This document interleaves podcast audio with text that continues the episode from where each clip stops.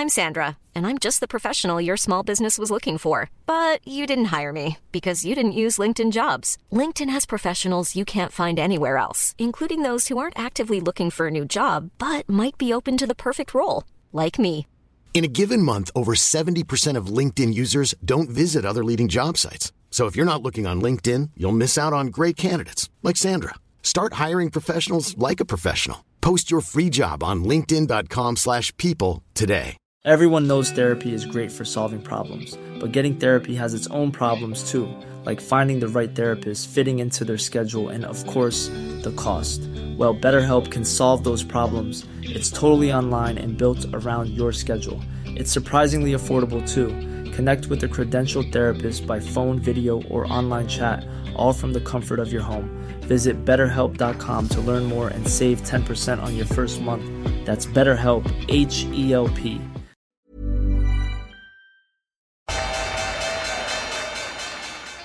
They mistook leverage for genius. Leverage for genius. I would recommend Japan. The governments don't rule the world. Goldman Sachs rules the world. Velkommen til episode 149 av podkasten 'Tid er penger', en podkast med Peter Warren. Jeg heter Sverre og er produsent. Stiller spørsmål, trykker på start og stopp, deltar litt i noen diskusjoner. Eh, denne episoden handler i likhet med de siste tidligere både episoder og, og Patrion-spesialer, så handler det her om Ukraina og Russland. Det er vanskelig å komme unna det nå. Eh, I tillegg så har vi et eh, kanskje litt mer eh, oppløftende perspektiv nå som, eh, som alt virker så dystert. Vi har et sponsa intervju med sjefen i det norske børsnoterte selskapet Otovo, Andreas Thorsheim. Så vi hadde det i, i sommer i fjor, og de har gjort mye og er jo veldig dagsaktuell uh, ref det som skjer i verden med energi. Så det kommer inn uh, uh, i episoden i dag. Men jeg tror kanskje vi bare går i gang. Ja, da er vi i gang med nok en spesiell episode med Ja, hva man skal kalle det her, i krigstid. Ja, absolutt. Det syns jeg det, det er eh, hva skal jeg si, Vel fortjent er et dårlig uttrykk eh, når det gjelder krig, men, eh, men at vi betegner det som det, syns jeg absolutt er riktig.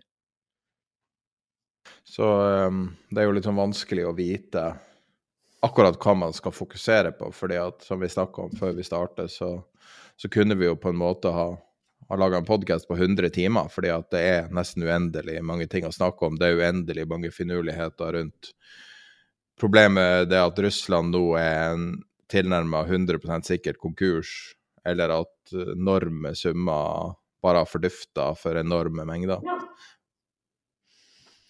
Men jeg Ja. foreslår at vi kanskje starter med noen spørsmål vi har fått inn eh, fra lyttere, bare for å Det kan vi godt. Uh, ja, ha et sted å starte. Kom igjen. Um, det er veldig mye fokus på råvarer nå, og det er en som spør om eh, Hvis du sammenligner aksjemarkedet med råvaremarkedet, hva er nedsiderisikoen, og hvordan er volatiliteten i råvarer kontra aksjer? Ja, altså hvis vi begynner med, med volatiliteten, da, som er kanskje den enkleste å, å, å forholde seg til, så vil jeg jo si at generelt sett så er den høyere i, eh, i råvaremarkedet.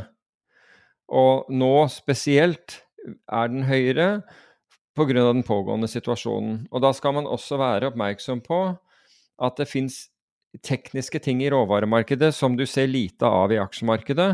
Altså, vi vet jo at aksjemarkedet kan stenge dersom bevegelser er, er store.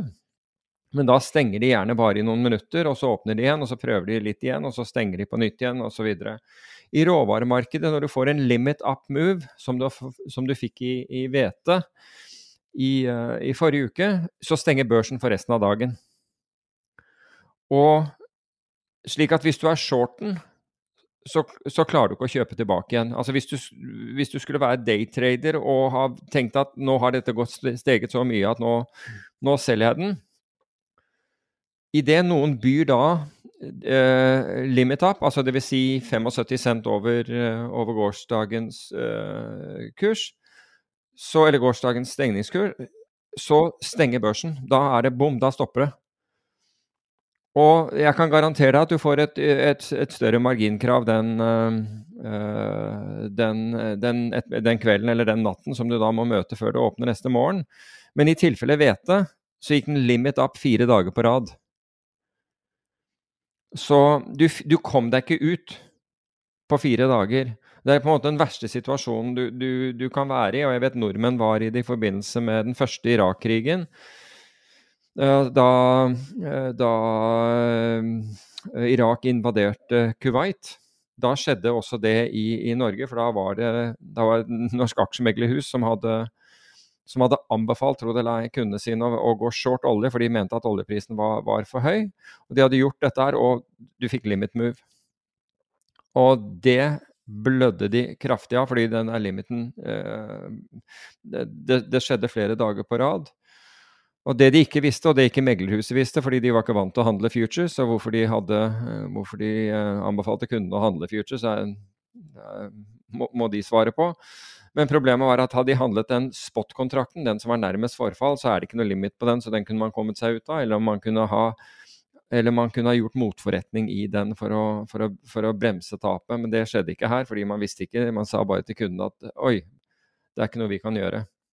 Og så godtok av en eller annen grunn eh, kundene det. Jeg hørte det først i, eh, etter at dette var faktum og tapene var tatt. Og jeg sa til han at vi kunne jo gjort det, og gikk tilbake igjen til meglerforetaket og spurte om hvorfor de ikke hadde anbefalt han å gjøre det. Og da sa meglerhuset at ja, det visste vi ikke.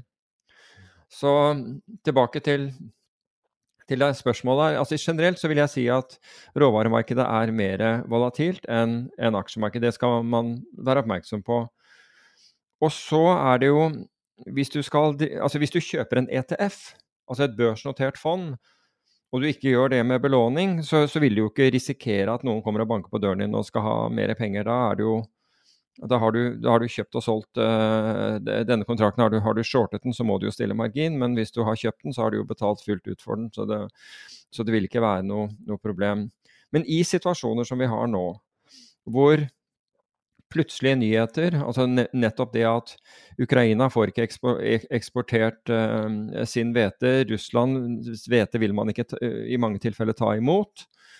Og Ukraina får ikke, vil antageligvis ikke kunne få plante hvete igjen på nytt igjen i det, dette året pga. Av, av krigshandlinger. Så tar man enormt med hvete ut av markedet, og det blir en enorm ubalanse. Det var en ubalanse til å begynne med i de veldig mange råvarer pga. at råvarer har ikke vært populært på mange år. Og når noe ikke er populært, så blir det heller ikke investert i. Og dermed så slår ting veldig ut i dette, i dette markedet. Vi ser i, i kobberpriser, i aluminiumspriser, i, i, forskjellige uh, kornarter, soyabønner, gasspriser, oljepriser, drivstoff til alt mulig rart. Altså hele, den, hele spekteret. Gull har begynt å stige, selv om ikke den Og her er det jo rett og slett flight to safety som gjør at uh, gull har kommet over 2000 uh, eh, dollar unsen. Men så det er en del sånne ting som man trenger å vite før man hiver seg inn i, inn i råvaremarkedet. Den enklere måten å gjøre dette på, altså hvis du gjør det gjennom future-kontrakter, så er du så direkte uh, investert i råvaren som, som det er mulig å bli. Hvis du eh, investerer i et børsnotert fond, som f.eks. kun har hvete, eller kun har olje, eller, noe, eller, kun har gull, for den saks skyld, det finnes, det finnes uh, disse fondene, så risikerer du ikke mer enn innsatsen din på, på noe som helst tidspunkt. Og innsatsen din går, skal veldig mye til at går, går, til, går til null, for å si det på den måten, og spesielt i den situasjonen vi befinner oss i nå. Men vi er ekstremt uh, følsomme i forhold til nyheter, slik at nyheter om at uh, shipping ikke kan, altså transport ikke kan finne, sted. Uh, leveranser kan ikke, ikke, kan finne sted. Spiker prisen umiddelbart. Og på grunn av, altså Ukraina leverer jo bl.a. Til, til, til land i, uh, i, Midtøsten, type Libanon, Syria Alle disse, disse landene som altså leverer jo nesten til, mye, mye til den arabiske våren, for å si det på den måten. Og høye priser på matvarer var jo, var jo, en av årsakene bak den arabiske våren i utgangspunktet. Det pluss det voldsomme velstandsgapet som befant seg i disse, i disse, landene. Men poenget mitt er er at, det, at, man må forvente at dette blir enda mer volatilt, og at enhver nyhet, og det kan være at myndigheter eh, sier at de skal at de, at de, skal bruke av noen reservelagre eller noe sånt, sånt, som man gjorde i oljeprisen for, for noen uker siden, kan dramatiske, eh, medføre dramatiske svingninger på den dagen.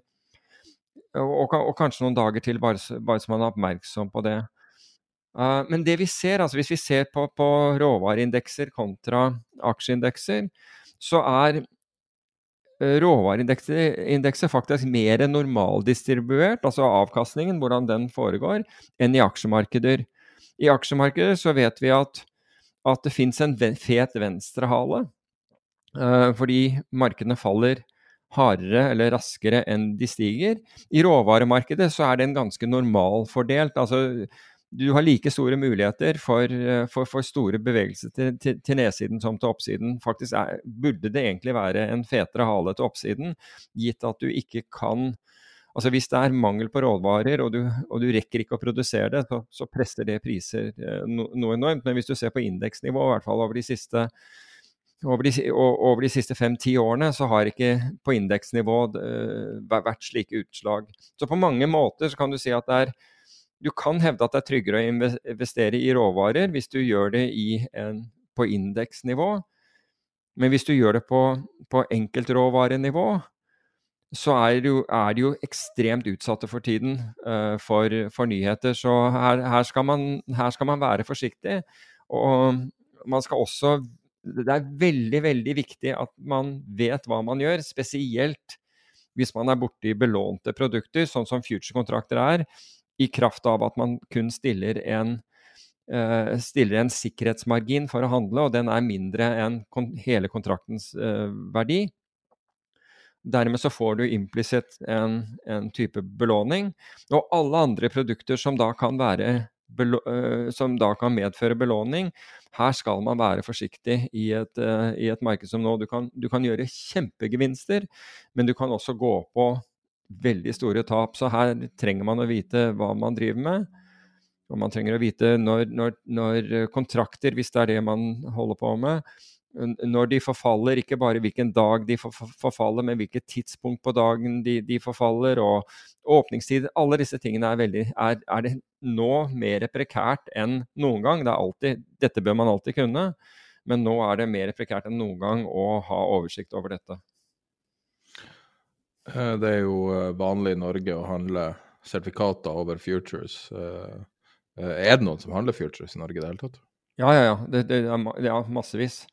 Det er, det er mange i, i, i, Norge som handler future-kontrakter på Altså, det, er egentlig veldig altså på, på, sett og vis er det synd. Altså, du har et altså Hvis du går til future-markedet på, på Oslo Børs, da, som er OBX-indeksen osv., så, videre, så er det jo flere nordmenn som sitter og, og handler Eh, som handler SMP og Nasdaq Futures og Dox Future, enn det er OBX. Og det er fordi det gjøres ikke noe innsats for, egentlig for at man skal handle disse, eh, disse, disse norske eh, derivatene. Så, så ja, det er, det er, absolutt handel der, og det er derfor jeg ser mye av dette her, for jeg får mye spørsmål om det. Og da, da er det da går det igjen altså dette her at man ikke helt har forstått hva slags kontrakt man, man handler i, og ikke forstår helt mekanikken i den, i den handelen. Altså jeg, for jeg hører jo ikke de gode historiene. Jeg, jeg blir spurt når, når, noe går eh, på tvers av de forventningene man har, da, for å si det på den måten. Da er det jeg, ofte jeg hører og blir spurt om hvordan kan dette skje. Og da er det nesten alltid veldig enkle svar på det. Og, og, lærdommen av det er at man ikke har ordentlig satt seg inn i hva man, hva man handler. Og sertifikater altså Du har jo masse sånne hybridløsninger som tilbys i, i, Norge, som ikke er reelle future, men hvor du har future-risiko. Du betaler bare mer for, for, for å påta deg den, den risikoen. Altså, man, det er veldig viktig at man vet hva man gjør. Og det er også viktig også, altså fra, for, for, meglerne, i og med markedene svinger så mye som de gjør i øyeblikket. Og der, der påligger et ganske stort ansvar å gjøre kundene oppmerksom på uh, farene, eller i hvert fall det, te, det tekniske ved, ved, det de handler. Eh, apropos det, så er det et spørsmål om det europeiske karbonkvotemarkedet. Og det er jo noe som har fått en veldig knekk pga. en plutselig regelendring. Ja, altså det, det er jo eh, Ja, det her har, jeg, her har, jeg, virkelig sterke meninger. Altså vi, vi, var vel inne på det sist, men jeg husker ikke om det var i den episoden vi hadde midt i uken. Det var kanskje da jeg snakket om det. Jeg vet ikke om jeg snakket om dette uke, på, på, den vanlige sendingen for en uke siden, men jeg snakket i hvert fall om det i løpet av uken. Men poenget er da at du har da et, et europeisk marked, det er også et future-marked, for karbonsertifikater. Og karbonsertifikater, det, det, må da bedrifter de må da eh, skaffe seg eh, karbonsertifikater i forhold Altså det er rett og slett en avgift på forurensning på, på utslipp av, av, karbon. Det er hele ideen bak dette. Og det har fungert veldig bra til nå, bl.a. mye pga. støtte fra europeiske myndigheter for å lage dette markedet. Og det er et veldig logisk marked. Det mer du forurenser, det mer betaler du. Det mer, og det, meningen med det hele er jo egentlig at man skal forsøke altså For det første redusere utslipp, og det andre er stimulere til fornybar energi. Det er jo egentlig den veien vi alle er enige om å gå. Og så kommer hva er det som har skjedd nå? Jo, det har skjedd et dramatisk fall, altså disse sertifikatene, som da hadde en kraftig jevn oppgang i hele fjor. Og det hadde de også inn i dette året, nådde nesten 100, eh, 100 dollar tonnet. Så plutselig så faller eh, så, så får du et brått fall. Og, du, og, i dag så har du handlet under 60, så vi var nesten i 100, og i dag handlet du under, under uh, Unnskyld, ikke dollar, men euro. Under 60 euro. Og hva er det som ligger bak? Jo, dette minner ekstremt om det som skjedde under covid-krisen. Da du hadde denne IMO, uh, som er International Maritime Organization, altså hvor skip ikke skulle eh, få lov å drive eh, og, og slippe ut og, og, og, forurense. Og man, må, man, investerte i disse scrubbers for å, for å, for å rengjøre drivstoff, altså utslippene fra skip bl.a. Og det var, påla veldig mye på shippingindustrien å redusere sine utslipp. Så kommer covid, og da klager både næringen og til politikere som da er villig til å suspendere den ordningen, innføringen av den ordningen, slik at det markedet plutselig kollapser. Altså, det var ikke noe vits i for dem. Altså, det var for alle de som hadde brukt penger på dette og vært diligent i forhold til regelverket, for dem var det liksom plutselig sank kost. De fikk ingenting igjen for å ha gjort de endringene, for å ha investert i, i, mer moderne teknologi som skulle forhindre utslipp.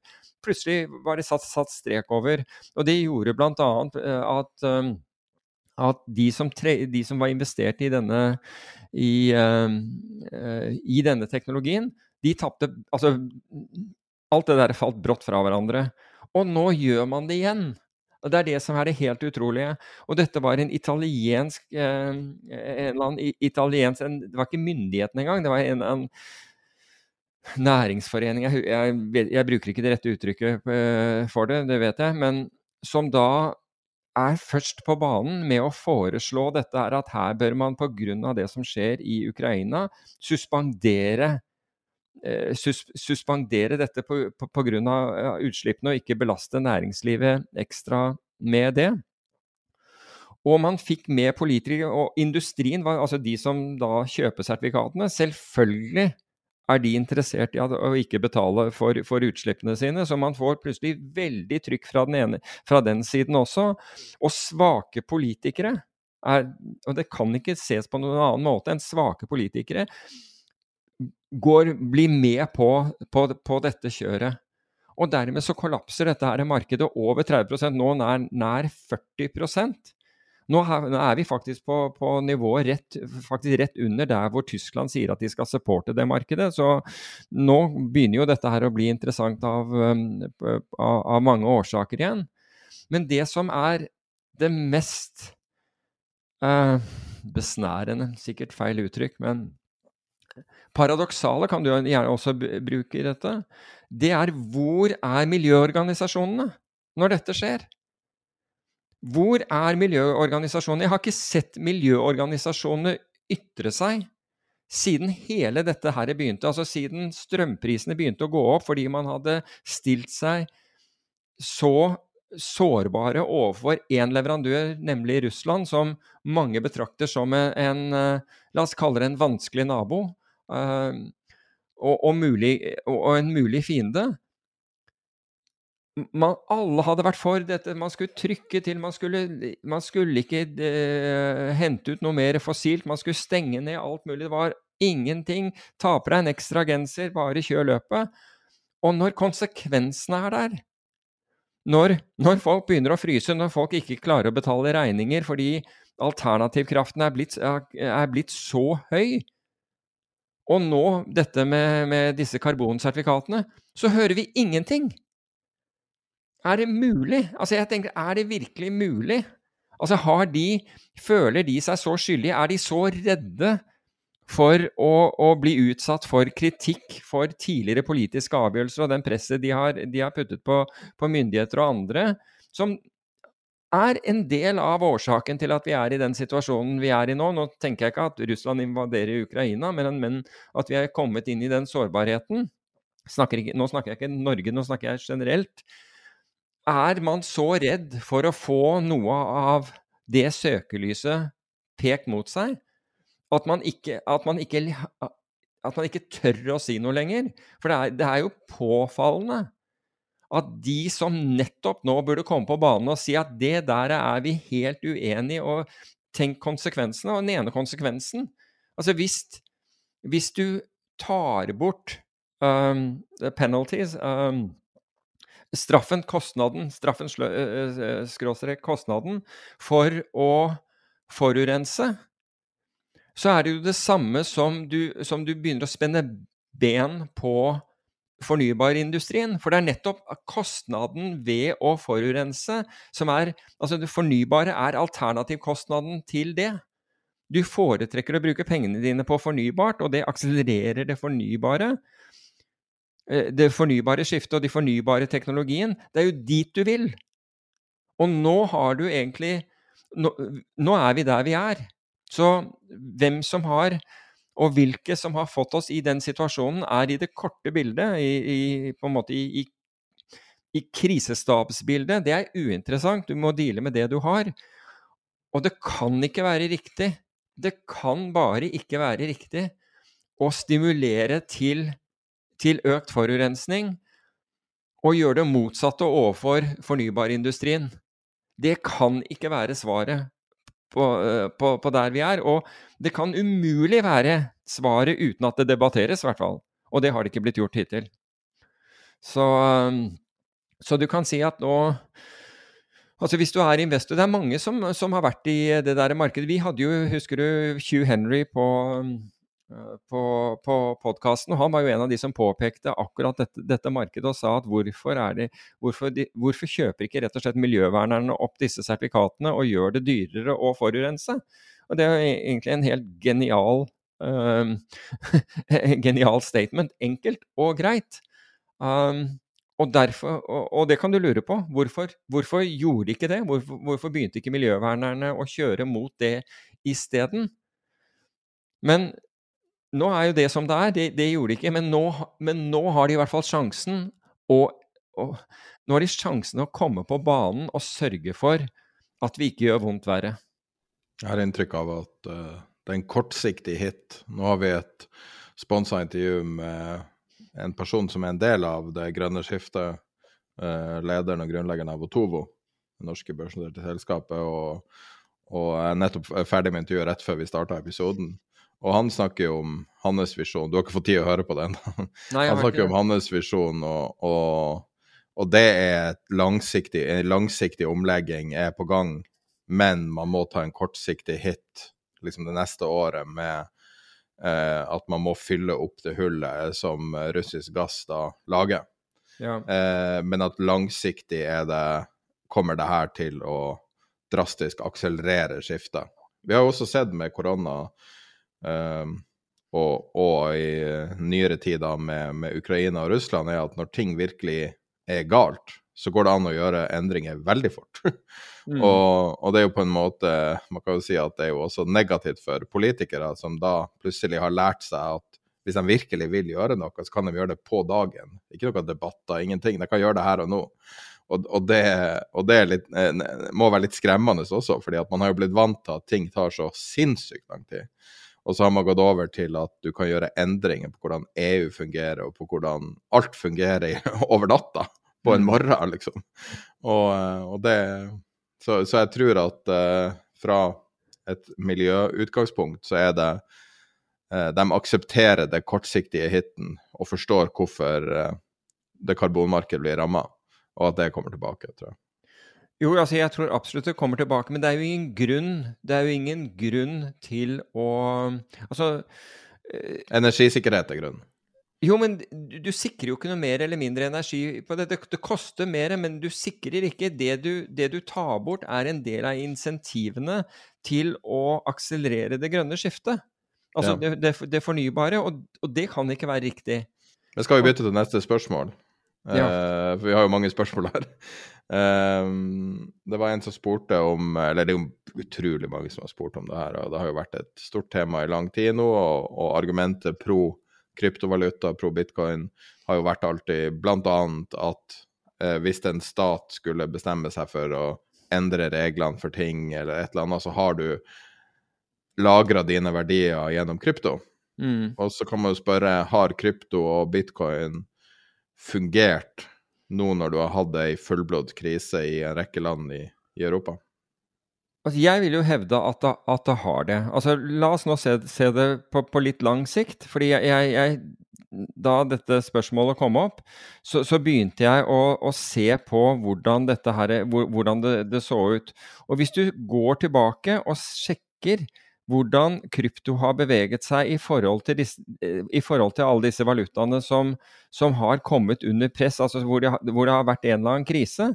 Vi kan begynne, altså Over de siste ti årene så har indiske rupi falt 35% meksikanske peso 38% sørafrikanske rand har falt 51% brasilianske real 66% russiske rubler, som vi er inne på eh, nå til stadighet, 72 Iranske real 72% fall. Tyrkiske lire 88% Argentinske peso 96% Syriske pund 98% Og så til slutt, eller nest sist, venezuelske bolivar 99,999% har det falt.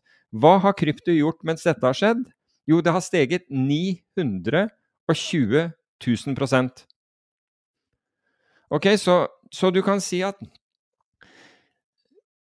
Svaret mitt er, er, jo at hvis du sammenligner krypto altså Krypto skal på en måte holde deg pengene dine safe hvis noe skjer med, med, med din, din, valuta, så har du jo mer enn en klart det.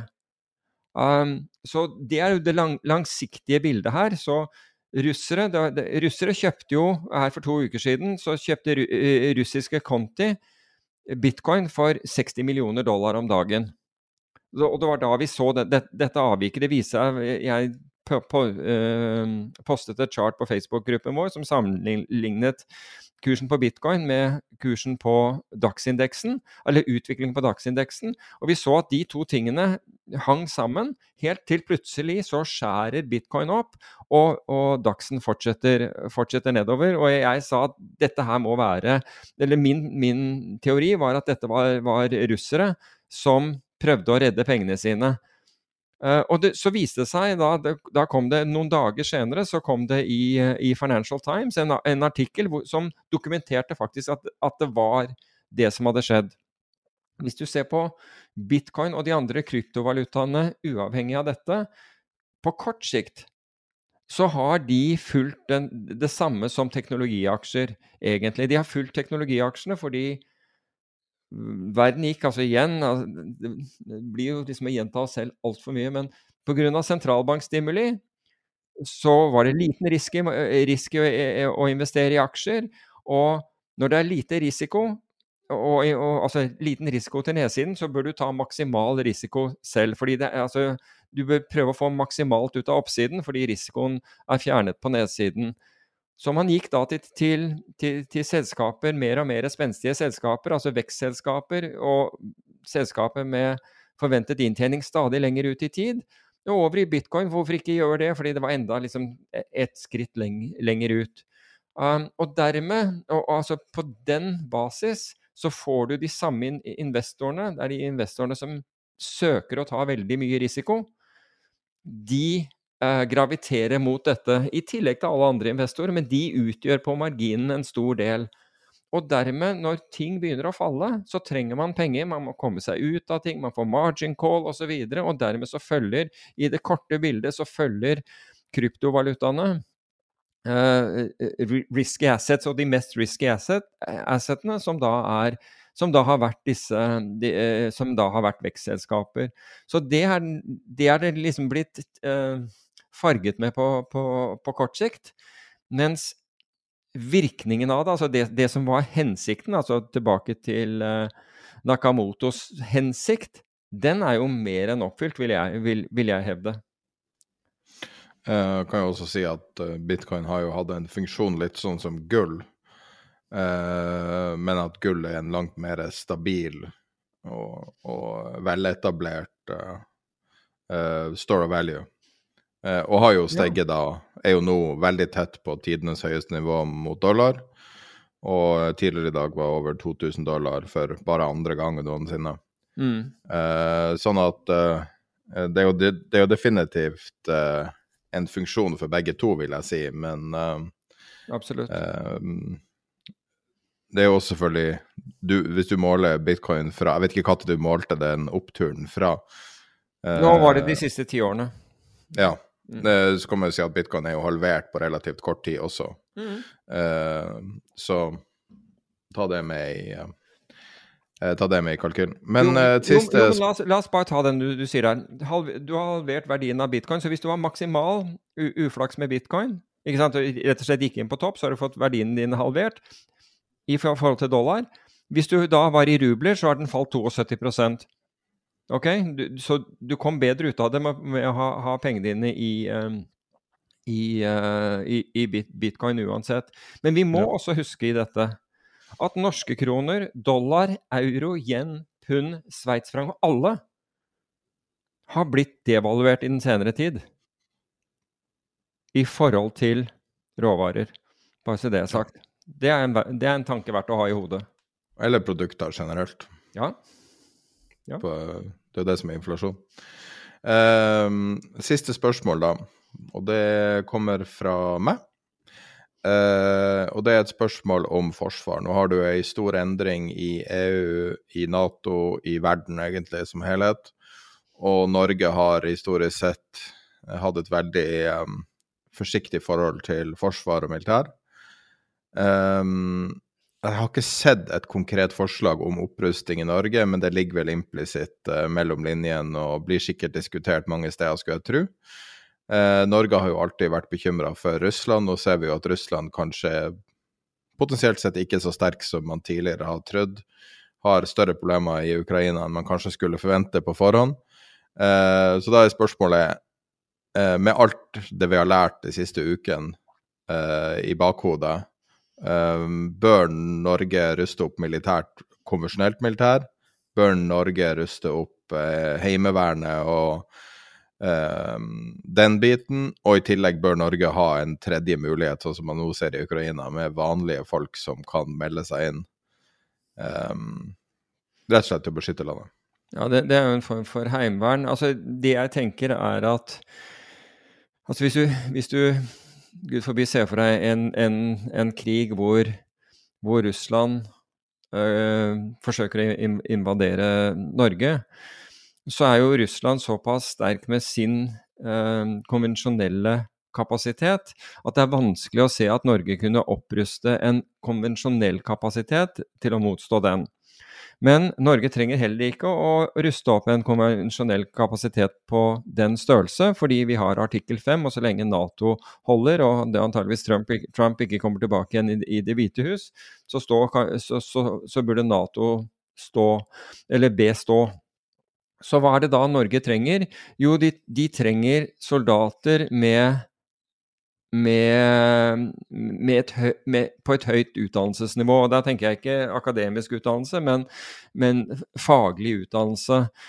Hva er det du trenger i en sånn, sånn situasjon, akkurat som i Ukraina nå? Du, du trenger oppklaringsstyrker, spesialstyrker, øh, øh, tropper som har veldig høy individuell kompetanse, f.eks. til ildledning, øh, til å lede fly på mål, den type ting. Altså soldater som ikke synes i felten, men som allikevel har høy kompetanse på å, å lede da uh, de konvensjonelle styrkene. altså Nå tenker jeg konvensjonelle i forhold til artilleri, i, for, i, i forhold til missiler og i forhold til um, uh, luftbårne uh, våpen, på mål. Så du har slike, slike soldater i, i, Norge i dag. Du har spesialstyrker, du har oppklaringsstyrker osv. Men, men øke, øke antall mann, rett og slett. Fordi jeg tror vi kan Altså, når det gjelder det Når det konvensjonelle kommer inn i bildet, så så igjen, altså da, da, da er du jeg, jeg, ser ikke at man skal kunne møte dem med, med vanlig konvensjonelle styrker, fordi det vil kreve enormt. Altså panser i dag koster enormt. Fly i dag koster enormt. Norge har jo riktignok investert enormt i, i, disse, i, disse, kapasitetene, men det vil ta voldsomt å f.eks. Med, med penger å tredoble Luftforsvaret. Eh, doble, doble panservernet, doble artilleri eh, osv. Det, det vil koste fryktelig, fryktelig mye. Mens det, en god del av det eh, kan leveres av av andre Nato-land. Og, og, vil helt sikkert være det. Og så gjelder det å være trent på de våpensystemene som, som, man da gjør. Så jeg har mer tro på det. Og når det gjelder borgervern, altså det er nærmest det du snakker om hvis du tar folk rett ut av gaten ut, og gjør de til soldater nærmest uten trening. Jeg ville nødig vært i den, den rollen. Det, det er liksom det er hakket hak før, uh, før uh, suicidalt, er jeg redd. Fordi man Hvis man ikke er trent, så vil man ikke forstå kapasitetene til motstanderen. Og, da, og bare det å ikke forstå uh, disse kapasitetene, hva de kan gjøre og, og, og, hvordan de virker, gjør at man vil utsette seg for veldig mye rett og slett unødig fare, tenker jeg. Så jeg ville heller øke de, de, de prof, den profesjonelle uh, delen av, uh, av, Forsvaret, som allerede har, er godt befestet i, i dag, men øke det, øke det, i antall. Det er i hvert fall min tanke. Eh, da er den kjappe spørsmål- og svarrunden ferdig etter litt over 30 minutter. ja. Det er en alvorlig situasjon. da. Ja, og så er det jo Som det vedvarer, så er det jo stort sett uh, Ukraina, Russland, geopolitikk, olje som er tematikken for, uh, for podkasten, i likhet med alt annet medium. Um, vi kan jo uh, si at situasjonen har vel kanskje stabilisert seg en smule. Og mens vi snakker nå, så slår Tyskland fast at de ikke har noen planer om å slutte å kjøpe energi fra Russland, f.eks.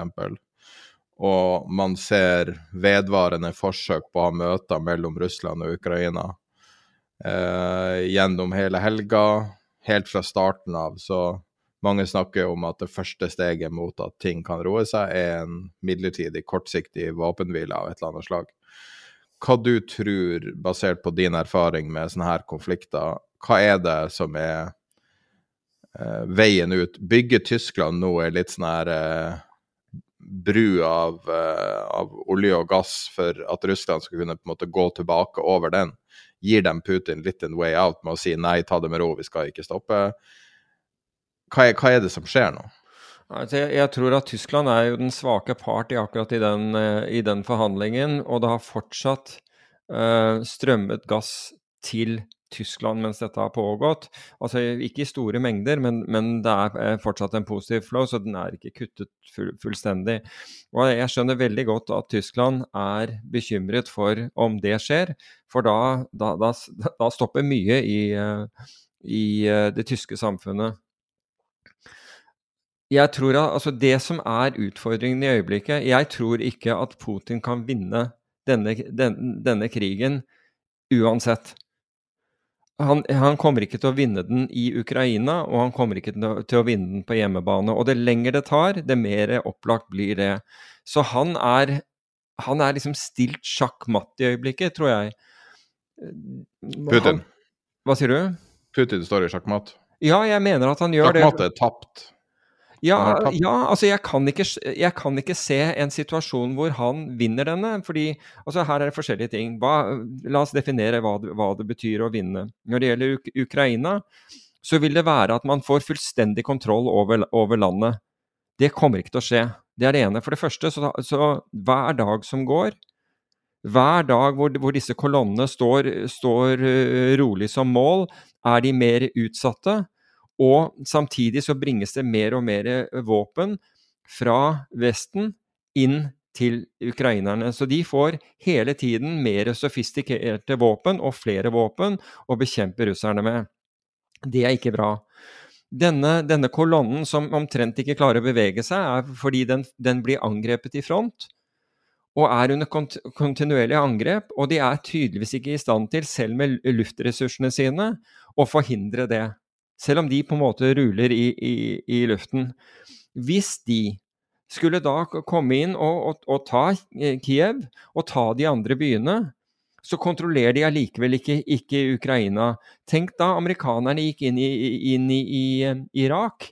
Da var jo flertallet av befolkningen positive til at, at amerikanerne kom inn. De, man var eh, man, eh, man, var lei eh, Saddam Hussein, og de hadde på en måte, eh, la oss si, flertallet av befolkningen med seg. Se hvordan det gikk! De var ikke i stand til å holde Irak med flertallet av befolkningen på, på sin side. Se for deg den situasjonen som er i Ukraina. De har omtrent ingen ukrainere på sin side. Det er, det er noen veldig, veldig få prosent, hvis noe. Dette landet kan ikke tas Det kan ikke erobres. Det vil ikke skje. Det vil ikke la seg gjøre. Så hva er, hva er konsekvensen? Altså, og mens det skjer, så ø, opplever russiske, den russiske befolkningen betydelig hardship. matvarepriser går rett i taket.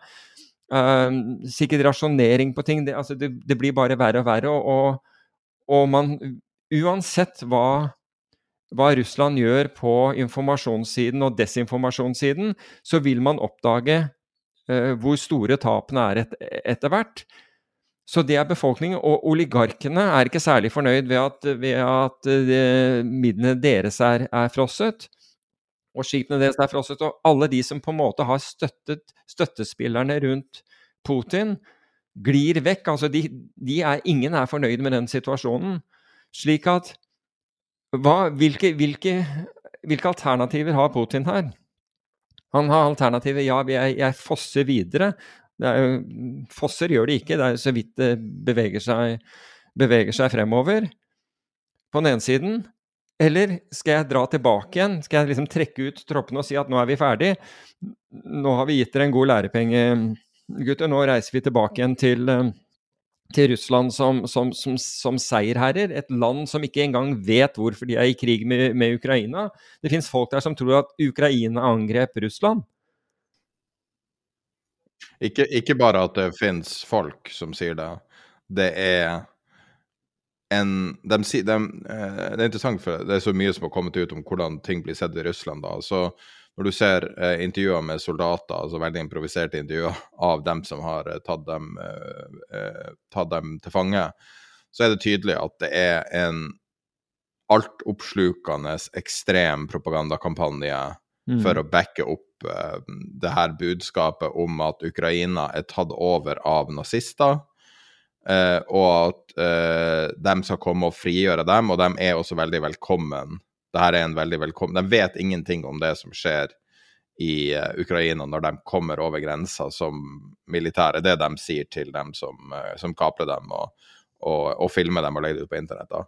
Uh, og, og, hvis du ser på russisk TV og ser på de propagandavideoene som er laga, og den pågående kampanjen nå som er hele tida med den avnazifiseringa av Ukraina, så er det propaganda vi kanskje ikke har sett siden andre verdenskrig. Altså mm. Nivået på det er helt ekstremt. Og uh, det ble kalt um, Det er sånn ungdomskampanje. Alle går rundt med sånne gensere med sånn sett på. Jeg vet ikke om du har sett det, det er det samme som er på de bilene. Og det er på en måte der de uh, bruker som et sånn samlepunkt. Uh, og, men, men, de må jo føle på Kan jeg gå gjennom alle tingene som har ramma Russland? Jeg ja, har ei liste her. bare sånn at vi får litt perspektiv på det. Så det er en tidligere Goldman-kvant som har, har vært litt i kontakt med. Han, han lager han er ukrainer og lager veldig mange bra oversikter på, på Twitter. Eh, så godt som alle utenlandske bedrifter har forlatt Russland. Det er et land som har vært veldig opptatt av utenlands, nei, utenlands direkte investeringer. Det eneste unntaket som, som jeg vet om, er Coca-Cola. Eh, alt av basic ting i matbutikken er borte. Eh, de har veldig liten lokal produksjon av ting. Eh, de har, er helt avhengig av ekstern uh, supply-linje på alt mulig. Alt fra liksom fly, både Boeing og Airbus har jo trukket all støtte til eh, flyselskaper, så det, de kan ikke fungere, fordi at du trenger jo støtte med deler, og du har en supply-kjede og alt. Um, når Russland heter Sovjet, så var de en veldig integrert part. Nå er de Nei, veldig, veldig altså, selv Eh, de hadde alle deler sjøl, de var mm. Eh, selvbevarende. Eh, nå er de veldig avhengige av utenlandske. Så um, utenlandske deler og utstyr og alt mulig, så alt har stoppa opp av lokal uh, produksjon. Uh, hvis du er villig til å sende varer til Russland, noe veldig få land er uh, de, Deres offisielle allierte er vel kun Syria og Saudi-Arabia stort sett, og et og annet. Også en del afrikanske land, for de har jo veldig store operasjoner i Afrika. Uh, men det går ikke an å sende varer til dem, for det er ingen som vil sende varer. Alle logistikkselskaper har opphørt å sende varer til Russland. Du har uh, allerede nå uh, begrensninger på varer du kan kjøpe. Så jeg så en, et lapp som hengte i en, en russisk matbutikk, der det står du kan ikke kjøpe mer enn fem av hver vare uansett vare. Og det starter når vi er på dag ti av denne konflikten. Kan tenke deg hvordan det er på dag 100. Ja. Uh, de har i praksis ikke det de trenger. Uh, det er allerede enorme, ar enorm arbeidsledighet. F.eks. bare det at Ikea stengte ned og i praksis forlot landet, uh, forårsaka 15 000 jobber tapt. Og Sovjet, Russland er en liten, en liten, nasjon økonomisk, bare halvparten av Tyskland f.eks. Så 15 000 jobber er utrolig viktig nå. Eh, alt av eksporter fra Russland er jo altså, eh, nesten verdiløst eh, pga. Det er ingen som er villig til å handle med det. Mm. Og eh, ekstrem volatilitet på valutasida gjør det også eh, veldig tricky. Eh, nesten, ja, det er i hvert fall halvparten av reservene til sentralbanken, som var 650 milliarder dollar som var ment til å backe opp rubelen, er frosset i utenlandske, eh, i utenlandske banker. Og eh, det eneste de har av eh, reserver som de kan bruke til noe, egentlig er det gullet de har lagra i sentralbanken. Og da kan de jo belåne det, f.eks. Uh, eh, ha en reverse repo på det, eller noe sånt. Um, aksjemarkedet, altså det er jo masse investeringer lokalt i Russland, er bare verdiløst. Altså, du sett, alt du har sett av aksjer som er handla Nå har jo ikke børsen i Moskva vært åpen på ei uke, men det som ble handla i utlandet, ned 90 mm. Så var det jo en uh, kar som gikk på russisk finans-TV og, og, drakk for han skålte for uh, at uh, nå var markedet dødt. Det var borte. Uh, og, og, det tror jeg er ganske dekkende. Uh, ellers så er det ingen uh, fly som flyr. alle medieorganisasjoner som ikke er drevet av Kremlin, er lagt ned. det har vært veldig stor kamp mot media de siste par og 20 årene, og nå er alt som har overlevd, det er nå også borte. Og du har også sett masse klipp om at folk flykter alt fra sjefen i det flyselskapet Aeroflot eh, til alle journalister og tilsynelatende alle de folkene du veldig gjerne vil holde på. Altså eh, kap kapable folk flykter landet når det fortsatt er mulig, for det forventes at grensen skal stenges, og at det blir martial law i, i um, Russland. Nå har Facebook, Twitter, BBC, masse TV-kanaler, alt mulig er stengt ned. Du når det ikke lenger i Russland. Det kommer dagen etter BBC la ut en artikkel der de sier at eh, trafikken deres fra Russland var mangedobla i løpet av den siste tida. Og det indikerer jo fordi at russere skjønner at de ikke får all informasjon lokalt, og må hente det fra utsida. Eh, jeg så en eh, pris på å ta toget fra om det var St. Petersburg tror jeg, til Helsinki, men det var ut av Russland relativt kort tur, og det kosta 60 000 kroner for én togbillett. Og det var en av de siste du kunne kjøpe. Uh, og ettersom at det ikke går an å fly lenger, det er ingen som vil la dem krysse grensa, og det går ikke an å fly hvis du ikke har backing av Airbus, så, så er det uh, kjøre, gå eller ta toget.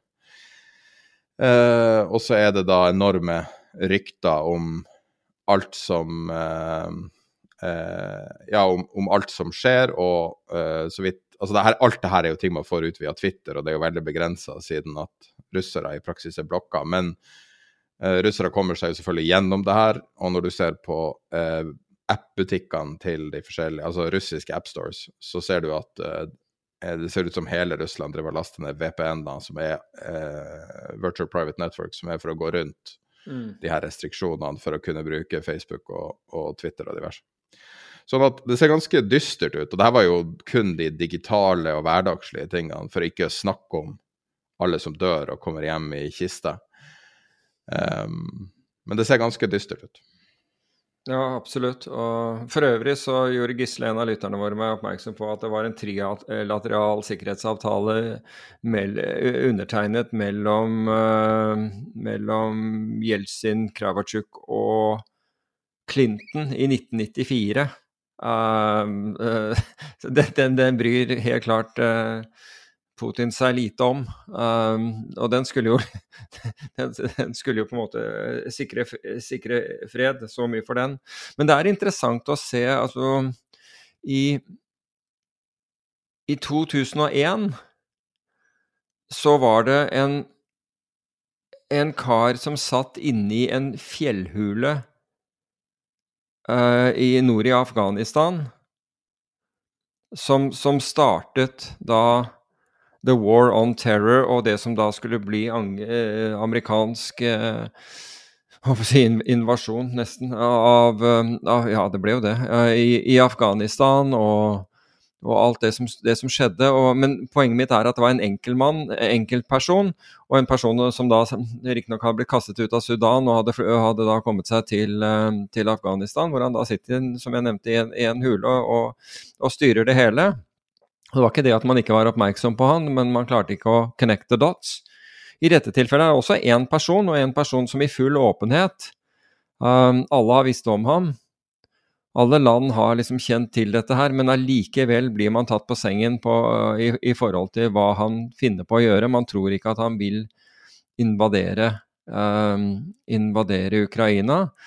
Uh, til tross for alle etterretningsrapportene. altså Gradvis så begynner man å tro på det, men problemet er at, man, at uh, selv om lederskapet altså jeg tenker Biden og, og, andre vet hva som skjer, bl.a. Norge vet hva som skjer, så klarer, man, klarer, vi ikke helt å ta inn over oss hva som er, at det vil skje, og så skjer det. Um, og Det forteller jo litt om hva som skjer når vi har, når vi har opplevd fred eh, så lenge, da. I hvert fall eh, for eh, Europas del. At når det, vært, når det har vært rolig så lenge, så det er, det er, jo litt som med, med markedene. Da, da, tror vi ikke at de kan falle, og vi tror ikke at, at, at krig kan oppstå. Og så, så oppstår det noen, bare noen timer fra, eh, fra her vi bor. Så det, det, er, det, er, ganske dramatisk, men det forteller jo litt om, om, om hjernene våre, altså om hva vi er, vi er, i stand til. Og du kan si at de som i mellomtiden sier at man skal styrke Forsvaret og gjøre alt dette, de blir jo sett på som raringer og krigshissere og, og, og urealistiske. Men når vi da reduserer våre kapasiteter, så blir vi, så blir vi plutselig sårbare. Og når vi da i tillegg har klart å gjøre oss så ekstremt sårbare, i forhold til russisk energi. Det er helt utrolig. Altså hvor du har veldig få steder altså hvis, hvis, du, hvis, du, får fravær nå ved at du ikke vil kjøpe f.eks. Eh, eh, ta russisk olje da, som, som et eksempel. I og med at altså, hva er det russerne, er det ca. 17% av, av verdens olje som de produserer, men på marginen så blir det jo ekstremt viktig. På marginen er det ekstremt viktig. Det eneste stedet du kan henvende deg nå, og det er kanskje en god ting for alt jeg vet, det er til Iran. Og da må amerikanerne klare å gjøre, altså endelig klare å, bygge en bro i forhold til, eh, i forhold til Iran, og normalisere det forholdet. For å klare å få noe av, av den kapasiteten tilbake. Kan hende at det er en veldig god utgang for, for øvrig. Um, men, uh, men noe må gjøres her. Men én person Du vil ikke tro det er mulig, vet du. Ja, da har vi snakka, eh, tror jeg, ferdig om geopolitikk i dag. Og det er kanskje på tide å ta et lite taktomslag. Og da har vi et sponsa intervju med grunnleggeren og sjefen i det norske solenergiselskapet Otovo, Andreas Thorsheim. Og folk som har hørt på podkasten en stund, vet at han var også eh, eh, gjest via et sponsa intervju i sommer. Og eh, det var veldig interessant. Da fikk vi høre om deres langsiktige planer, og mye har gått den veien de trodde. Eh, og nå når markedet har så til de grader eh, gått inn og, i, retning av i retning av energiuavhengighet og diverse, så er de høyaktuelt. Så tenkte jeg at det hadde vært et perfekt tidspunkt å ta en oppdatering med Andreas. Få høre på hvordan det er å drive et selskap i en så het sektor som eh, når det kommer til energiuavhengighet, og hva som er deres planer nå. Og som du hører, så er deres utfordringer blitt langt mer makroøkonomisk, mens tidligere var det veldig mikro eh, knytta til dem. Så her er våre sponsa intervju med Andreas Thorsheim. Dere sitter jo også utrolig godt i det med å være til en viss grad løsninga på energikrisa. Um, sånn som jeg ser det, da, så man prøver jo nå å løse de store, store problemene. Men er ikke en i hvert fall halvparten av løsninga nettopp deres type tilnærming, som er at du reduserer belastninga på systemet? Hvor langt kan man gå med solcellepanel på taket og eventuelt andre ting fra, fra dere som er altså, smarte løsninger på, på, alle måter. Jeg ser på integrasjon med, med Tibber f.eks., som er også en helt sånn obvious ting med dere. Hvor langt, tid, hvor langt, kan man gå som et samfunn bare med den biten?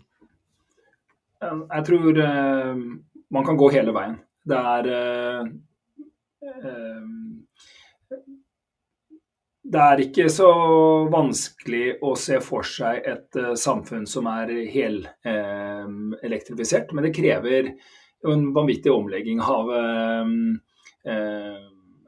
privat forbruk og valgene man gjør der, som er ganske lett, til en omlegging av industri og infrastruktur som er ganske vanskelig. Og Det betyr at du får litt ulike tidslinjer. I Norge har vi byttet ut bilene våre med elbiler. Um, vi har hus som er, har elektrisk oppvarming og uh, elektrisk matlaging. Det har de ikke i resten av Europa. Så der skal det inn varmepumper, der skal det inn elektriske um, stekeplater istedenfor gasstopper. Um, og, og de, har, de, har, mer igjen på den reisen, men vi i Norge har jo opplevd da, hvor egentlig forholdsvis lett det er da, å drifte et hus på elektrisitet. Uh, og så må du ha nok elektrisitet til å forsyne det. og Det betyr at du må bygge vindmøller og solceller og, uh, og, og vannkraft og kanskje atomkraftverk for å forsyne uh, husholdningene med, med, den strømmen de trenger. I industrien så er det en rangordning fra ting som er lett å bytte ut. Du kan ha gått til liksom LED-pærer og, og elbusser og el lastebiler. Og så skal du over i, i sånn betong- og prosessindustri og, og der, og, og måte, hvor det er måte, behov for ekstrem varme over lang tid, den, den, type ting, det kan være vanskeligere å, å finne erstatninger for fossile eh, brensler eh, på. Men det er der man liksom ser på eh, hydrogen, ammoniakk eh, eh, og, og, og, kanskje også tilpasse produksjonsprosesser så man kan klare å utnytte mer energi raskt. Og så, og så måtte oppbevare den i prosessen og lage stor termos av, eh, av, fabrikken din. Så det finnes jo mange, mange initiativer der. og De er, de er måte, kanskje hakket vanskeligere, og må man kanskje se på fem- eller tiårsperspektiv. Ser man på den situasjonen vi er i Europa nå, så har vi gått fra en, en klimakrise som spesielt EU-ledere var interessert i å gjøre noe eh, med. Og nå har du fått en eh, sikkerhetspolitisk krise oppå eh, det, som bare har gjort det enda mer akutt for europeiske ledere å eh, bli kvitt avhengigheten av eh, eh, fossile brensler fra eh, land og regimer de ikke kan stole på, og ikke vil finansiere ved å være kjøper av deres eh, produkter. Hva konsekvensen blir nå de neste månedene, det er, det er ikke helt åpenbart å si. Men jeg tror vi går fra en Eh, en krise og en, en strategi eh, som er Nå er det umiddelbar respons. Det handler om et, et, et demokratisk land blir angrepet eh, av Russland. Eh, ukrainernes suverenitet er, er, krenket. Det blir en humanitær katastrofe. Det blir en eh, flyktningkrise eh, som knytter seg inn i det. Og det er en pågående krig da all, all, alle temaene nå handler om å respondere på eh, det. Og det handler om sanksjoner mot uh, de rikeste i Russland, mot uh, næringslivet i Russland, mot bankvesenet i Russland.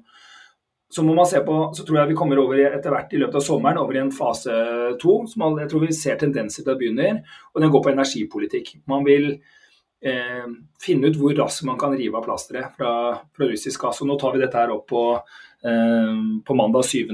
mars, og ting kan jo eh, endre seg fryktelig fryktelig fort eh, her. Men, men, i dag så stritter i hvert fall tyskerne imot at det skal sanksjoneres mot kjøp av eh, fossile brensler fra eh, Russland. Fordi tyskerne tror ikke at de kan Eh, beholde lave nok eh, forbrukerpriser og, og, tilgang nok på eh, brensler til industrien til at de kan holde måte, samfunnet sitt i drift sånn som de er vant med.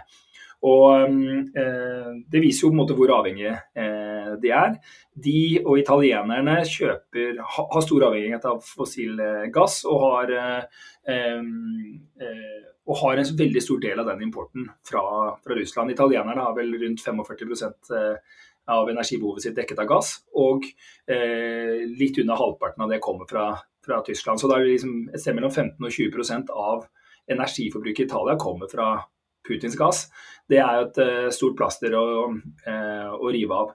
Um, hvor fort kan det skje? Antagelig ikke fort nok til at ikke man kommer til å betale Putin for gass eh, i løpet av den sommeren og kanskje inn i neste vinter. Men et, her, her, eh, her, kommer man til å bli tvunget til å ta noen prioriteter mye raskere enn eh, man kanskje hadde så for seg for noen år siden. Eh, jeg tror eh, det som, det, som, da skjer, er at eh, man må finne ut hva kan raskest erstatte gassen. Og Der er det noen eh, positive svar og noen negative svar. Eh, for å ta det negative først. Det blir utvidet bruk av kullkraft i alle landene som har det. Tyskerne kommer til å nok bremse avviklingen av, eh, av, av kullkraft. Og det gjør at klimaet i det korte bildet blir en taper igjen, som følge, som følge av dette. Um, så er det hva annet eh, er det som er raskt. Det er utbygging av vind- og solkraft. Jeg tror det blir um, um, her, kommer nok politikere til å se annerledes på det å bygge vindmøller et sted hvor det er en fin uh, åsrygg. man tenker at ja, det som står på spill er demokrati. får det bare være med den utsikten, eller får bare være med de ørnene. Um, så da tror jeg en del sånn naturhensyn kanskje kommer til å måtte vike, eh, til fordel for at man vil ha mm, økt europeisk energiproduksjon, og kanskje også gruvedrift for å kunne lage batterier og sånne type ting, uten å være avhengig av tredje, tredjeparter. Så får vi se om dette netto til slutt da kommer ut i en akselerasjon av europeisk selvforsyning av energi og, og redusert avhengighet av, av, fossile brensler. Jeg tror det. Og jeg tror det er en i, i neste fase av denne konflikten kommer til å være vanvittig fokus på, på å ruste opp egen energisikkerhet. Det blir, det blir som et sånn rustningskappløp hvor, hvor dette her er Eh, tema. Du så tyske regjeringsmedlemmer snakket om frihetsenergi i forrige uke. Det er jo et tegn på, på måte, hvilken tone denne debatten kommer til å ha. Ja, og dere er en veldig naturlig altså Grunnen til at du snakker så komfortabelt om det, er at dette er jo din verden. og Egenproduksjon av energi er jo tilsynelatende en veldig god løsning på det her. Um, men um, jeg, jeg, så Enova hadde heva ikke dem, dobla dem insentivene for å installere ja, altså, solceller? I, I, Norge så har Enova mer eller mindre doblet insentivene på å installere solceller på eh, taket fra eh, starten av dette eh, året. og Det samme skjer jo i flere europeiske eh, land, hvor de enten gir investeringsstøtte for batterier eller solceller eller begge eh, deler. Og, EU også forbereder da nullmoms på solceller. Som det kan bli beslutning på allerede i april. Så klart dette gir et, et løft for solenergi. Hvorfor liker de det? Det er fordi det er en energiform som har ingen naturinngrep. Du legger det jo på et tak eller et, et fabrikkbygning som allerede fins uh, der. Legger du solcellene i en åker, så kan uh, sauene gå rundt og, og gresse mellom, mellom solcellene. Um, så, så, det er en uh, lite naturinngrep, konfliktfri kraft, samtidig som det er vanvittig rask å bygge. Um, der, har vi et solcellepanel på, på, lager, så kan du jo få det montert i løpet av uker. Um, mm. Men har du det på lager? Eh, nei, her er man avhengig av uh, internasjonale verdikjeder. og de, Stort sett så skippes de 100 dager før de skal monteres fra Asia. Hvor det er Vietnam, Malaysia, Kina panelene, panelene, kommer fra. Og så er dette her sånn som det har vært inntil covid, da, helt populært å kjøre just in time. Så mm. det, det, spruter jo paneler gjennom europeiske verdi, de europeiske verdikjedene. Hvis du la panelene inntil hverandre, én etter én fra Asia til, til, Europa, så ville det samlebåndet gått i 100 km i timen. Eh, dag og natt alle, uh, alle, dager i året. Så det, det, her er jo en, det er en fenomenal industrivare som kommer inn, uh, kommer inn til eh, Europa. Og man, man, trenger de panelene. og Det er, også, det er også grunnen til at den er populær. For det, kan, det kan bygges solenergi fort. Det kan bygges vindenergi forholdsvis fort i løpet av Eh, hvis du ser bort fra reguleringsprosessen, som gjerne tar år, da, så tar det eh, bare måneder å bygge vindmøllene. Det er, en, er industriprosess for å bygge vindmøller. Eh, og du vet hvor vinden blåser, så er det bare å få satt det, satt det, opp. Så hvis Europa vil, så kan de bygge vanvittig mye mer vind og, og sol. Um, og det er de to eneste energiformene som har til å ta en, en, en kjempestor rolle. Vi snakker om hundrevis av terawattimer i Europa, så er det bare de to energiformene som kan ta veldig, veldig mye. Hvis du setter opp på taket, hvor, my hvor, mye sparer du? Altså Hvor mye tar det av eh, strømregninga? Um, nei, jeg har, uh, jeg har solceller på mitt uh, tak i, i Oslo. Den, de solcellene nå i starten av mars lager rundt 20-30 kWt, som er halve forbruket mitt. og Det kommer bare til å øke nå utover mot, mot, sommeren. Så min strømregning kommer til å falle til null nå i løpet av april måned. Og så kommer jeg ikke til å få strømregninger igjen før i oktober-november. Og så har jeg vinterstrømmen, for da ligger det sol, nei, snø på panelene og jeg får, får, ikke noe igjen for det. Men summa summarum så ender panelene opp med å dekke ca. en tredjedel av, eh, av kostnadene mine, og jeg har ikke, jeg har ikke strømregninger om sommeren. Og, og, og, lenger sør i Europa så går den jo rundt klokka. Bare, det kan jo spise over halvparten av, av, eh, av strømregningen, men ikke mer. da. Så det er klart dette blir populært for eh, spanjoler og itali italienere og tyskere som, som, ser at de høye strømprisene eh, som, som, vi har nå, biter skikkelig i, i, i lommeboka. Nei, Vi har blitt vant til høye strømpriser her òg. I, I morges så, så jeg Tibber-appen at det var 600 øre kilowattimen. Tenkte jeg bare ja, helsike, er, er, det, er det null feil, liksom? Mm, ja. Ja, nei, det, du har jo gass eh, Jeg tror det er gassrekord i dag i påvente av at russisk gass skal skrues av. Eh, så du, det manifesteres gjennom hele verdikjeden. Ja, men, men jeg, jeg må si at sånne som altså eh, Nå er det jo veldig mye negativitet i markedet og, og veldig mye negativitet i nyhetsbildet. Det var litt derfor også jeg syns det her passer. Det var en så fin dag å ta en samtale med deg om en potensiell, potensiell vei ut av det her, da. Uh, nå er jo dere en aktør som eh, sånn sett snakkes i egen bok, men det er en veldig sånn, troverdig historie nå. og Det er en veldig sånn, straight forward historie. Um, så jeg ser jo, du var jo her og hadde en lignende samtale i fjor sommer, og uh, dere har uh, klatra betydelig verdimessig, og, og, også at det virker som at alt bare har modnes i deres favør. Høsten 2021 var jo en, eh, en tid hvor vi så at eh, mange av de temaene som jeg og teamet mitt har bygd selskapet på, og eh, budskapene i våre investorpresentasjoner fra 2016, og 2017 og 2018, det ble til, det ble til sannheter. Eh, nettleien skal øke eh, for de fleste. Strømprisene går opp og blir mer volatil. Forbrukerne mister tillit til at strømmen kommer alltid til å være eh, billig. Eh, klimatiltakene begynner å bite og setter eh, fart. Og, og, og, summen av det ble jo en, en vanvittig økning i etterspørsel fra, fra strømprisene økte, og flere land satte inn eh, subsidier for, for, uh, for, fornybar energi. Um, så, så, i høst følte jeg at alle måte, bønnene våre var, ble hørt. Og så syns jeg situasjonen vi er i nå, viser at vi måtte Eh, vi skulle jo tatt med et par ekstra ting i, i bønnene våre for ikke komme i den bekmørke situasjonen som Europa er, eh, er nå. Men, men, hvis man eh, kan se litt lenger frem, da, så håper jeg at det er ut av kriser så vil ofte kloke ledere ta, ta gode valg. Da. Og jeg håper at Europa nå ser på det som en, som en mulighet til å bli enda kjappere i gjennomføringen av en, av en avkarbonisering av, av eh, i hvert fall i første omgang husholdningssektoren. og det synes jo som det er motivasjonen for. I, i dagene etter at Ukraina-krisen eh, eh, eksploderte, så har jo eh, tyskerne har jo fremskyndet sitt eh, avkarboniseringsmål med ti år. Det er jo det er noe som sikkert ville vært en vanvittig debatt i eh, i, eh, i parlamentet der, eh, men som nå var liksom ja, selvfølgelig gjør vi det. Hva, hva mer skal vi gjøre? Eh, vanvittig akselerasjon da, i viljen til å, til, til å, gjøre ting.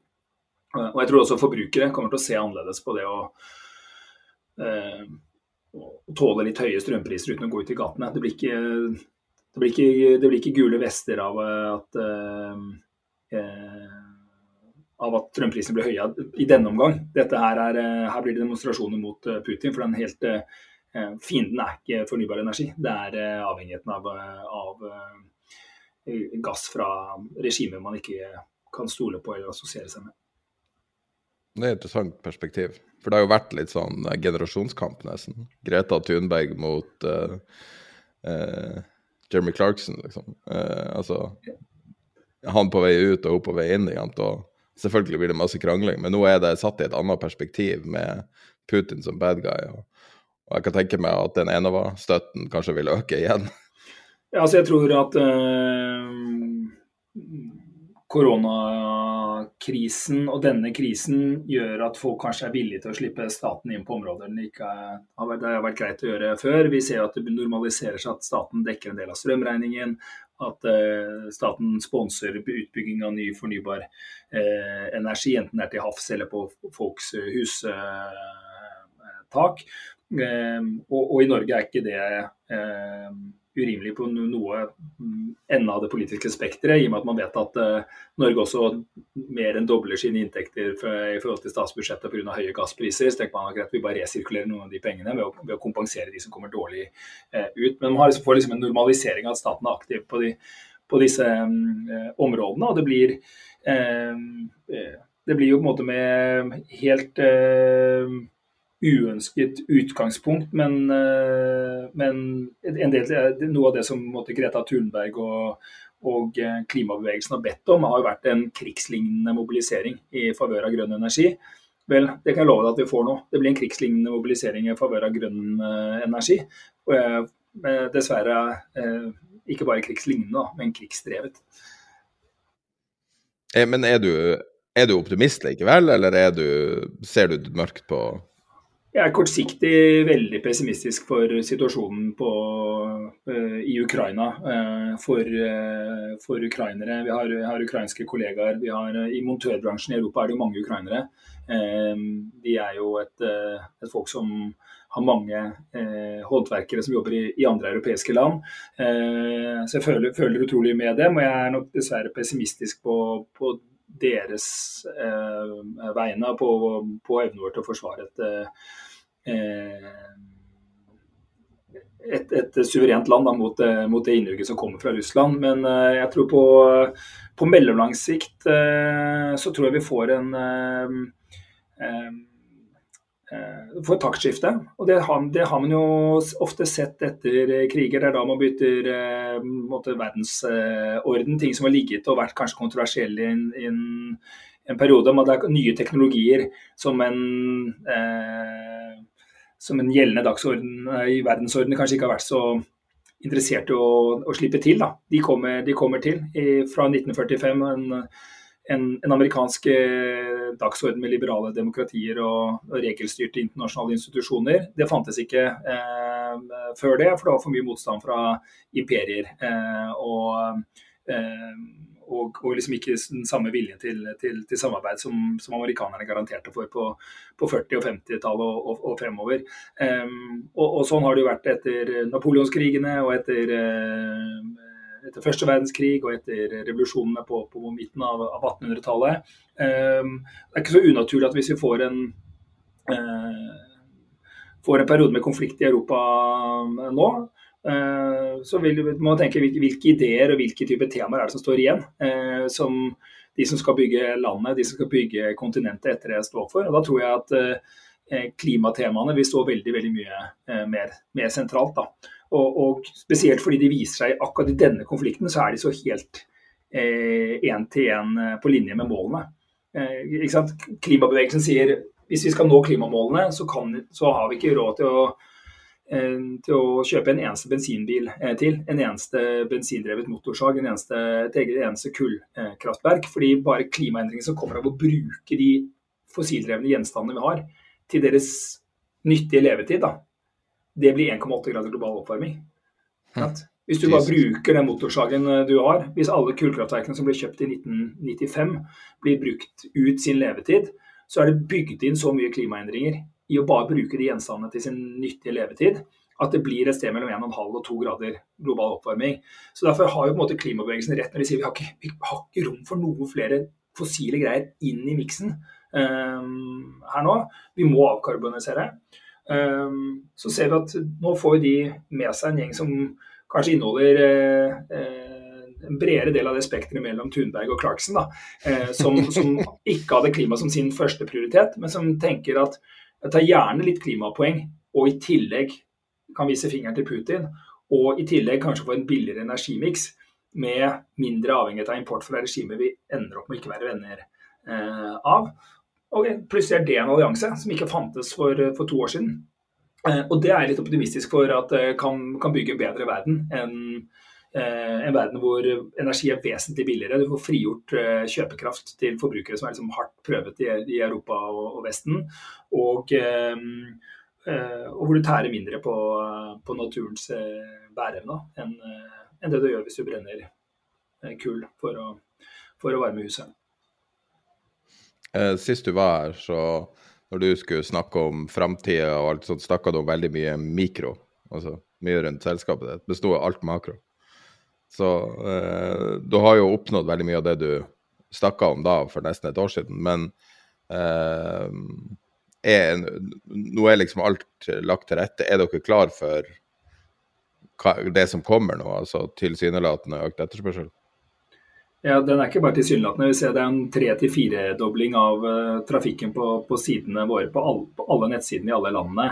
Uh, og den uh, forplanter seg inn i å bli bli, etterstill, et, måte, å bli bestillinger, og som, bli, som, blir til installasjoner.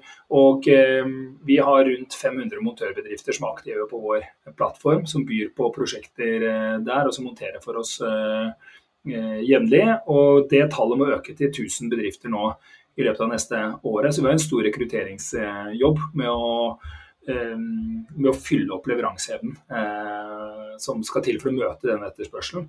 Eh, det, det, er jo akkurat det type problem du vil ha som, som sjef i et vekstselskap. Da. Det er at, at veksten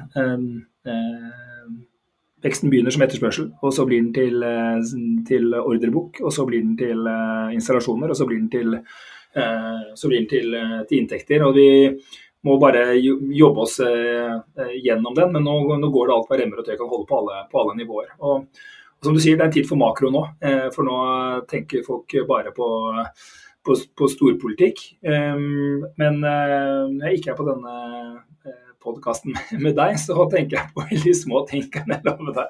Da er det sånn Greit, har vi har vi nok motører i Polen? Hva skjer med, hva skjer med kostnadsbildet i Frankrike? Får, får, vi rekruttert inn alle de, de nye på, på, operations der som får dette til å, eh, til å, til å funke? Så at en, en, bedrift som vår som vokser med over 100 årlig, da uh, betyr at du skal doble alle funksjonene. Det er en helt vanvittig rekrutteringsapparat for eksempel, da, som må til for å, eh, for å få det til å funke. Wow. Nei, men det, det, høres superinteressant ut. Det er veldig inspirerende. Så det var så passende med en sånn samtale akkurat i dag, når, når det virkelig altså makrobildet kan, kan sies å være ganske dystert, når hovedoverskrifta på NRK er 'Tror ikke det blir atomkrig'. nei, jeg håper heller ikke det blir atomkrig. Nei, jeg håper heller ikke det blir atomkrig.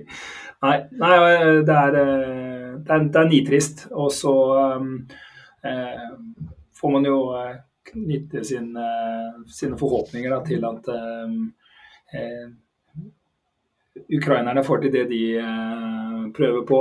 At et, eh, en vestlig verden som står mer eh, samlet og mindre polarisert enn på, på, på, lenge, og som tror jeg har en, også en nordstjerne på hva som må til da, for å for å unngå den type situasjoner i det, i det korte og, og, og, og, lengre bildet, eh, at det er eh, positive effekter av en negativ eh, situasjon. Så er, jeg tenker at det er lov å, um, å være forsiktig optimist, men da tror jeg man må se litt lenger, litt lenger frem enn våren 2022. Supert. Tusen takk for du brukte av dagen din på å snakke litt med oss. Det avslutter det sponsa intervjuet vi hadde med Andreas Thorsheim i Otovo. Du kan besøke Otovo på www.otovo.no. Det er også så mange rare ting som dukker opp. F.eks. Um, det er jo masse russisk olje som er ute på havet nå. Mm.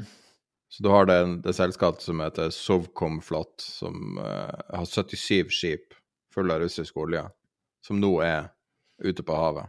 Ja. Og så prøver du å legge til uh, uh, legge til kai og enten losse av olje eller LNG. Og så mm. blir det bare sendt videre, fordi at ingen tør å deale med dem. Nettopp. Og nå er, er de Så var det én nå eh, EFTA skrev om det. Et skip som heter Champion, som skulle til Skottland. Og de bare sier du får ikke lov å legge til her, vi vil ikke ha det. Og nå er de på vei mot Danmark, og de kommer jo selvfølgelig til å si nei. Ikke sant? Så mm. det er Det er veldig sånne sånne uvirkelige ting vi ser eh, minutt for minutt, og, og utfallene er så Det er så mye underlige ting man, man ikke er vant til å se. Ja, det var, det var vel Trafigura som, som, forsøkte å selge den russiske oljen var det i forrige uke, og tilbød den Ja, det endte vel med å, å, å ja, Shell tok jo den til slutt, da. Gjorde de det? Fordi altså, jeg vet at den, ble tilbudt på 18 dollar under, og så 22 dollar under uten kjøpere. Og så, og så jeg visste ikke at det var den Shell kjøpte, men jeg vet at Shell har kjøpt og sier at de vil gi differansen til, eh, til Ukraina. Etter noen dager, ja. ja. Så altså, de, de, eh, var kanskje ikke helt forberedt på at dette skulle bli en nyhetssak, og at folk skulle stå utenfor Shell-stasjoner og demonstrere. Nettopp. Som skjedde. Ja. uh, så den oljen der tror jeg de angrer på at de kjøpte. Men det er ganske spesielt. Tenk deg hvor, hvor uh, Altså, hvis du kjøper f.eks. ett skip olje med 28 dollar rabatt og kan snu deg rundt og selge det i markedet, Mm. det er litt penger. Jeg vet ikke hvor mange fat det er på et, en oljetanker. Er det, noe Det er ikke sånn- 400 000, da? Ja, noe sånt. ja, ikke sant? Så, tror det. ganger du 400 000 med 28 dollar, så ser du Så blir det fort penger av det, som de sier. instant fortjeneste hvis du kjøper dem. Ja. Problemet er jo at det er en grunn til at det er 28 dollar billigere. Litt som at det er grunn til at noen eiendommer er billigere hvis det er dårlige solforhold. Ja. Det virker som en varp der og da, men Men ikke hvis du skal gå og kikke deg over skulderen etter en eller annen fyr med lyddemper etterpå, altså. ja. Jeg er helt enig. Eller med paraply, som, som russerne bruker. En ting Vi har jo et intervju som kommer eh, om noen dager eller nest, neste uke med en person som jeg snakka litt med i går. Ehm, og, og det som jeg spurte han da, når vi snakka bare sånn eh, løst og fast, og som jeg lurer veldig på Egentlig spør alle om det, og det er sånn som vi opplever um, Russland i, mi, tid, da, og sånn som vi har uh, Ja, vi har oppfatta Russland som en veldig sterk uh, potensiell fiende, som har vært på en måte på pari med USA. I hvert fall mange har opplevd dem som det, sånn som en med, ja, som ei hær, da, og at den er så stor og mektig, og alle vet om atombomben og alt. Og så nå ser vi realiteten til Russland. Det kan jo være at det er et triks, og at de kun sender de dårlige tingene til eh, Ukraina, gud vet. Men det er veldig mye ting som er fra sovjettida, rustne tanks, eh, tanks som går tom for drivstoff, eh, trailere som har eh, en payload som gjør at de er verdt 100 millioner kroner, men så er de på billige kinesiske dekk som ikke tåler vekta, som da gjør at de punkterer, i tillegg til å gå tom for drivstoff. Mm. Og da mister Altså, de mister veldig mye Relativt enkelt, da, mister veldig mye um, assets i Ukraina mot en ganske liten fiende. Har det vært ei feilkalkulering med styrken til eh, Russland eh, militært? Helt opplagt. Helt opplagt. Den er jo ikke i stand til altså det, det viser jo den kolonnen helt tydelig at det har vært. Altså det at den, den ble angrepet i, i front og klarer ikke Altså den, den beveger seg jo med sneglefart. Uh, så helt opplagt. De har trodd at de har, ville, ville rule uh, luftrommet og ha nok press på, på bakken til at de, de kunne rulle, til uh, rett inn til Kiev. Helt opplagt. Så det er, det er jo også, er også denne grove undervurderingen, men det er, det er klart at den, kanskje den aldri filtrer tilbake igjen til Russland, for alt jeg vet. Men hvis den så gjør, så vil det jo være, være enda et, en, en, en spiker i, i kisten til Putin uh, når, når, det blir kjent. Altså Hvordan han skal klare å rettferdiggjøre. altså det Selvfølgelig gjøre gjennom desinformasjon alt, alt man kan, men denne det, Altså, jeg, jeg, ser ikke, jeg ser ikke en utgang som er, som er heldig for han her. Jeg gjør ikke det. Men er det et ønske fra Europa å bygge ei bru til han? Eh, som gjør det lettere å ha Burde man ikke som Altså fordi at hvis eskaleringa vil være så negativ og så ukontrollerbar Nå er jo denne eskaleringa i seg sjøl relativt ukontrollerbar. Mm. Men fram til man er i en full åpen krig øst mot vest, så ja, det ønsker man selvfølgelig. ønsker man jo ikke å gi han mange utganger. Altså, Jeg tror det er et problem å, å gi det altså, Det er nok de som tenker det, og du ønsker jo ikke en fullskala krig mellom øst og vest, som du sier, selv om vi er Altså, Europa er i krig i øyeblikket. Det at frontlinjene befinner seg langt fra der vi er, det, det er veldig betryggende for, for, for, vår del, men det er ikke så langt eh, fra hvor vi er hvis man, hvis man stepper opp dette her ytterligere. Og når BCA, altså Bank Credit Analyst, som er et veldig kjent analyseselskap, hevder at det er en 10 sannsynlighet for, for verdens eh, undergang. 10% altså Jeg husker ikke om det var den forrige episoden, den, den Patron-episoden, eller den andre hvor, eh, hvor, vi snakket om dette med prosent, og jeg sa at, at eh, sannsynligheten for det er ikke null. Men jeg kunne heller ikke anslå hvilken sannsynlighet det var. Men jeg, jeg, kan love at jeg ville sagt den var langt under 10 for å si det på den måten. Men de mener at det, den er på 10 Artig at de mener at den er på 10% og sier samtidig 'men kjøp aksjer'. Men, ja, kan jeg uh, sitere det? det? Den analysen har jo gått runden de siste to dagene etter ja. de la den ut. En veldig modig analyse. Så den heter 'Rising Risk of Nuclear Apocalypse'. og tar utgangspunkt i uh, bl.a. et søk uh, på um, uh, Russia nuclear weapon på Google Trends og viser liksom at det har skutt opp til himmels som en illustrasjon. Og så sier de although there is a huge margin of error around this estimate, subjectively would assign an uncomfortably high 10% chance of civilization ending global nuclear war over the next 12 months. Og så sier de senere Despite the risk of nuclear war, it makes sense to stay constructive on stocks over the next 12 months. If an ICBM is heading your way, the size and composition of your portfolio becomes irrelevant. Thus, from a purely financial perspective, you should largely ignore existential risks, even if you do care about it greatly from a personal perspective. The risk, the risk of Armageddon has risen dramatically. Stay bullish on stocks over 12 months horizon. Jeg tenker at Hvis den analytikeren noen gang skulle ønske å få en ny jobb, så er Aksje-Norge stedet. da han blir tatt inn. For der har jo alltid, uansett hva som har skjedd, så er liksom konklusjonen kjøp aksjer. Den, men uh, nå er det ved nuclear war også, det, det bringer jo til he, et helt nytt nivå. Men uh, man, Men man det er jo riktig det de sier, altså. Ja, det er jo riktig. Hvis, blir, hvis, hvis, først en ICBM er på vei til deg, så er jeg også enig i det. Det går ikke an å hedge bort den risken, liksom. Ja, det er vondt, vondt, å hedge bort ICBM-risken, med mindre du har et Patriot-batteri stående et eller annet sted i, i god avstand fra deg. Men um, ditt eget personlige sånn Patriot Missile-batteri. Apropos det, det her hadde vært et veldig godt tidspunkt for USA å dukke opp med et sånn antiatomvåpen-våpen. ja, nettopp. Det hadde vært veldig fint.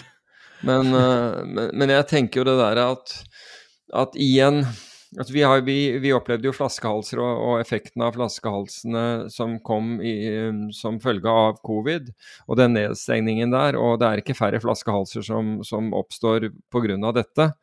Um, så det er, ikke, altså det er jo ikke utenkelig at veksten vil avta og, og inflasjonen fortsette å stige. Eh, matvareinflasjonen og, og energi spesielt. Så eh, det tar ikke Altså den der at du alltid skal lande på at du skal kjøpe aksjer, kan godt hende at det er riktig. Det er jo selvfølgelig noen selskaper som, som vil, vil, gjøre det bra ut av dette her. og, og, og men hvis ICBM-en treffer, så, så, så, så, slipper vi i hvert fall Da kan vi jo bare legge bort regnearkene, tror jeg. Uh, ja. Nei, og det er jo det uh, går ganske bra for uh, råvarer generelt sett. Det har jo vært mye snakk om de råvareindeksene, og olje, mm. gass Alt er jo fryktelig opp. Uh, Bank of America hadde en fin en der de sammenligna alle kriger bakover i tida, og råvar, for det er veldig ofte råvaresjokk rundt krig. Og mm. year on year, eh, avkastninga på denne commodity-indeksen som heter CRB, er 144 og hvis du ser for eksempel Research Bureau, ja. Mm. ja. Og hvis du ser uh, Jom Kippur-krigen, f.eks., så var det opp ca. 60. Og det var den, den største bouncen. Så vi er, jo, altså, vi er jo helt av skalaen her. Mm. Ja, absolutt. Nei, det, det, er mye å ta tak i. En annen ting som jeg har bitt meg merke til, er uh, forventningen til uh, om det skal bli en halv prosentpoeng eh, renteøkning i USA i mars. Og den gikk fra 0% sannsynlig til 95% sannsynlig, tilbake til null i løpet av, i løpet av den siste måneden. Mm. Ja, ja, og da viser jo bare at det går ikke an å spå noe som helst. Du tror noe er helt bankers 100% og altså, Antall renteheving i USA er jo drastisk redusert den siste uka, basert på markedsrenta. Ja, altså OK. Jeg, jeg, er helt enig. Altså, det har redusert, redusert for så vidt behovet eh, for, eh, for, renteøkning. Ikke Altså, det er jo rett og slett for å ikke få mer hardship på, på befolkning akkurat i øyeblikket. Hvis du ser på inflasjonen, så, så endrer jo ikke den uh, altså Det er jo ikke mindre behov for, for, en renteøkning når du ser på, på, det inflatoriske. Så hvis du nå begynner å bremse, så er det fordi du forventer brems, en, en, oppbremsing av, um, av aktivitet, økonomisk aktivitet. Og det er det jo ingen som snakker om. Tvert imot så, så virker det som, som dette bare skal, skal fortsette. Og i, og i, det momentet så har jeg også lyst til å på en måte angripe alle de der finansanalytikerne som var helt skråsikre på at, uh, på at, en konflikt i Ukraina ikke betydde noe for noe, noe som helst. Det var, det var helt uvesentlig uh, i, i, det store bildet. Og det, det, slo meg sånn etterpå Vi diskuterte det så vidt det var i sted, og jeg altså Ditt, uh, ditt ståsted var at liksom det er bare for å, at konklusjonen skal være markedsføre aksjer opp, for det er det alle, alle, alle tjener på. Jeg er for så vidt enig uh, med deg i det. Men jeg har også en annen teori, og, det, og, og den går på igjen på at den, den eh, myndighets altså myndighetenes manipulering av aksjemarkedene og finansmarkedene siden 2009, den har rett og slett den har redusert evnen til kritisk tenkning. Det er en, en annen konsekvens Altså det at du ikke har risikoforståelse, det er én konsekvens.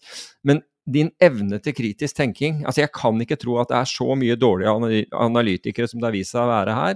Jeg tror rett og slett at, at, en, at det er kommet en generell reduksjon av evnen til kritisk tenking. Man, man klarer ikke å se for seg noe som forstyrrer det, det, det komfortable bildet man har av, av nå, nåtid og fremtid. Og det er, det er, nok faren, og det er nok faren noe man ser ved som skjer, altså rett etter at en, en krig har skjedd, eller rett etter et, et, et, børskrakk, som mange kaller det, har skjedd. Og nå ser vi jo at både at de europeiske børsene er faktisk ned nå i bear market territory. altså Tyskland og Eurostox 50 har falt med over 20% fra, fra toppen, så da skulle jo alle skrike bear market som de gjør. altså jeg, Det er jo bare en tullete betegnelse, men det er i stort sett den man bruker når det, det har falt uh, eh, 20 Så jeg, jeg, tror rett og slett at det, det vi gjør, er at, vi, at når, når, fallene, altså når, når fallene er et faktum, Altså når, når, det virkelig er mørkt der ute, og nå snakker jeg ikke militært mørkt, men finansielt mørkt der ute, da overvurderer vi uh, sannsynligheten for at, at, det skal bli verre. På akkurat samme måten som vi undervurderer muligheten for at det kan bli dårlig når, når, når ting er bra. Um, og, og, det er også det er, har litt med hvordan den menneskelige hjerne fungerer. Men det vi har gjort nå, er jo at det er noe som myndigheter har gjort myndigheter har på en måte fratatt markedet eh, evnen til kritisk tenkning. Én ting er når, når, eh, når, fysiske krefter gjør det, ved at, ved, ved at, markedet blir destabilisert og kriger bryter ut og all, all, alt dette her. Det, det er på en måte en naturlig sak. Men når myndigheter griper inn så reduseres den, den, vår evne til kritisk tenkning ytterligere. Og det er jeg temmelig sikker på at du, det gjelder ikke Det gjelder politisk så vel som militært så vel som finansielt. altså Jeg tror det er over, over, hele linjen. Og det tror jeg at hvis man ser i Går tilbake i, i eh, historien, så vil man finne at, at, det er det godt belegg for å, for å hevde. Det har begynt å Det har jo heldigvis har jo verden forandra seg litt. Så det har begynt å bli snakk om, først nå, jeg syns det tok lang tid, om at uh, sentralbanken, sentralbankene, altså koordinert, enten drevet av amerikanske eller koordinert av mange, kommer til å backe opp markedene framover. Uh, ja, hvorfor og, skal de gjøre det? Hvorfor skal de egentlig gjøre det? Hvorfor skal de ikke la markedene få Nei, jeg bare sier hva jeg hører snakk om. Uh, og og man kan jo si at det er et sunnhetstegn at det tok så lang tid. Tidligere så har det jo vært på på første timen med et lite børsfall, så begynner folk å, å hyle og skrike om mer stimuli. Mm. Um, men akkurat i krigssammenheng er jo da man trenger stimuli. Ja, mu muligens. Altså, altså blir, vi, blir, vi, mer robuste av det? Jeg tviler på det. Jeg tror, jeg tror, ikke markedene blir mer robust av det. Jeg tror ikke du, blir, du, får ikke et mer robust marked ved at de som, er, de som har vært gærnest til, til, å ta risiko, uh, har den høyeste belåningen, reddes enda en gang. Tvert imot. Du vet, du vet jo hvem som nå sitter ute og, og har vist seg å være gærnest nok en gang? Nei. Credit ja. ja de... Nå var det jo helt syke rykter som gikk eh, i forrige uke om at hele Credit Suisse var i ferd med å ramle sammen. Uff. Jeg tror nok snarere det var knytta opp mot at de har da selvfølgelig hatt masse oligarker som kunder, og har latt dem handle og belåne, og at nå kommer det store margin calls. Så det, det, det, ser ut som det der eh, den, det ryktet kom fra. Men så har du også selvfølgelig Deutsche Bank, som også har mm. notorisk mm. eh, alltid knytta til enhver krise, så er, dukker Deutsche Bank opp. Og de har da 1500 teknologiansatte i Russland. Mm. Så, og i moderne verden, så en, for en bank, så er teknologifolkene veldig viktig. Og det viser jo igjen problemet med, offshore, altså med å, å, ha så mye offshore eh, arbeidskraft. Belage seg på land som Russland, som er ustabilt leda. Det er problematisk, og det rammer, det rammer på mange forskjellige uventa måter. Ja. Men hvis vi ser på det russiske finansmarkedet, og for de som da Det har vist seg å være plenty av, av, av, norske forvaltere også, som, eller i hvert fall flere, som har da eksponering mot Russland. Vi vet jo selvfølgelig oljefondet som har vært veldig åpne om det, og jeg tror Skagen også, men det, det kan være andre. Men, men poenget er at um, vi ser jo også av chatten at folk lurer på bør man kjøpe russiske aksjer osv. Og, så videre, og hvordan gjør man det. Og Det fins ETF-er for det og, det, og det, handles så vidt det er i London. Men bare før du kaster deg inn og syns at det der er en kjempeidé, så så jeg på det i forrige uke, og da så jeg at ETF-er, altså på russiske aksjer, som, som, hadde net asset value, altså som hadde hvor øh, Altså den verdijusterte egenka, egenkapitalen basert på hvor, hvor, de underliggende aksjene handlet, lå på litt over 5 dollar. Handlet til 12 dollar, med en vanvittig premie. Så ETF-ene handlet vesentlig over. Så hvis du gjorde det, så skulle du da, skulle du da ha en 150% oppgang før du fikk pengene dine igjen, bare så det er sagt. Så, det, så her gjelder det å holde tunga rett i munnen hvis, hvis du først er liksom ute på, ute på den Eh, ute på den galeien. Og en annen ting er at hvis du Det er jo et, et så stort misforhold mellom russiske statsobligasjoner og, og eh, konkursbeskyttelsen på dem, altså CDS-kontrakter, at, at, det ikke gir noen mening. Der har du 45% upfront pay, eh, payment på, på, på CDS-en, som skulle tilsi at du får tilbake rundt 50 av, av, av, av på, på, statsobligasjonen.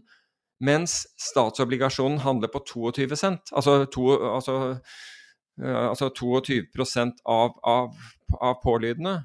Så det du burde gjøre i tilfelle, er å kjøpe statsobligasjoner og selge CDS-en. Eller eh, unnskyld, kjøpe statsobligasjoner og kjøpe beskyttelsen på den, fordi det som er imellom, blir da, blir da en gevinst.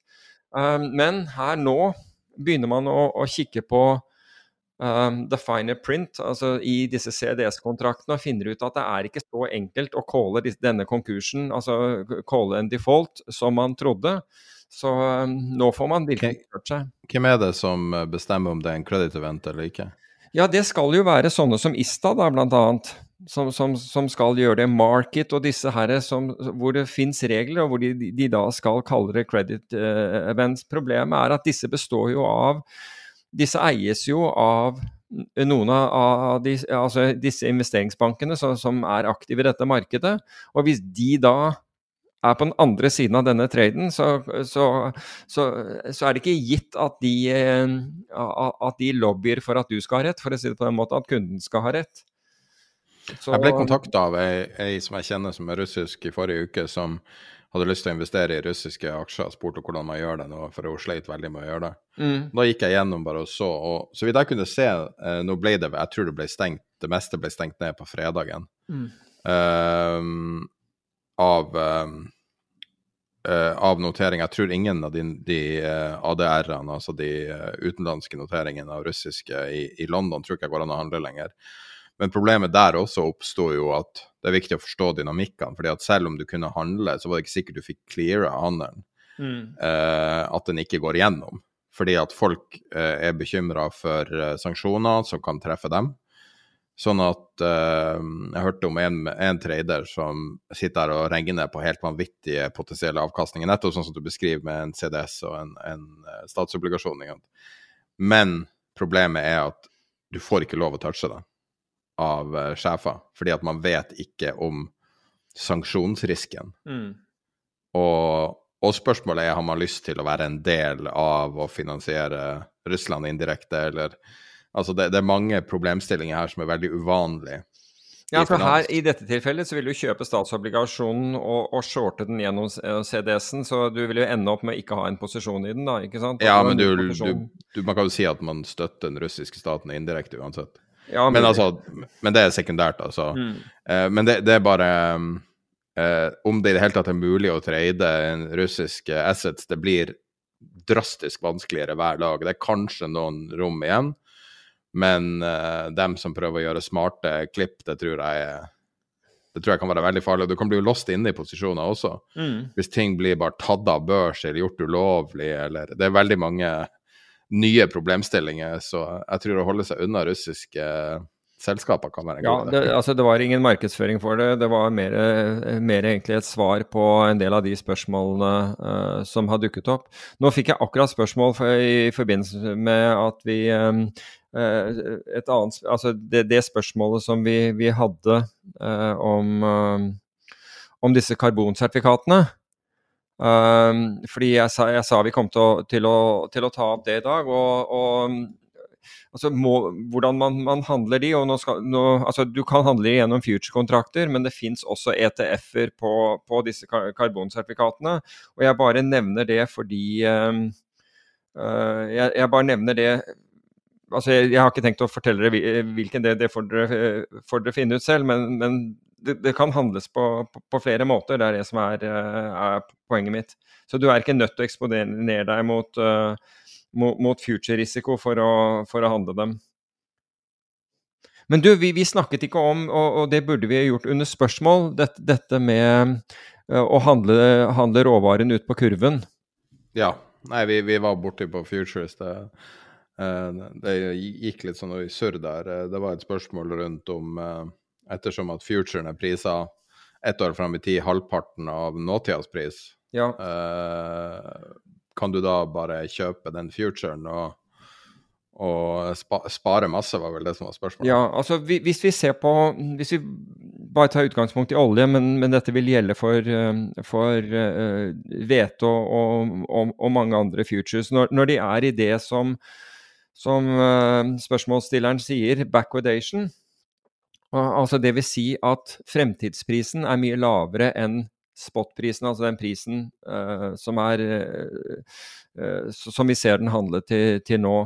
Når det gjelder olje f.eks., så, så det er lenger ut på kurven du kommer, og du kan handle den mange år ut, ut på kurven, men de store oljeselskapene, de store trading, tradingfirmaene, de handler de, i de nærmeste tre kontraktene, stort sett.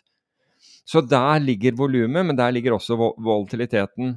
Men det betyr av og til at du kan få veldig gode dealer lenger ut på kurven, for, for folk er ikke så interessert. I, i, i, å handle der, og av og til hvis du har et bid der eller, eller en offer, så kan du da eh, så ta folk deg. Altså, så, så, handler de, de på, på, prisen din. Men vi må huske på at den situasjonen som er nå, den, det handler om at verden trenger energi ganske umiddelbart. Og Derfor prises disse kontraktene så høyt. For vi vet ikke altså I øyeblikket så har Saudi-Arabia eller OPEC sagt at ikke de vil øke. Men hvis du f.eks.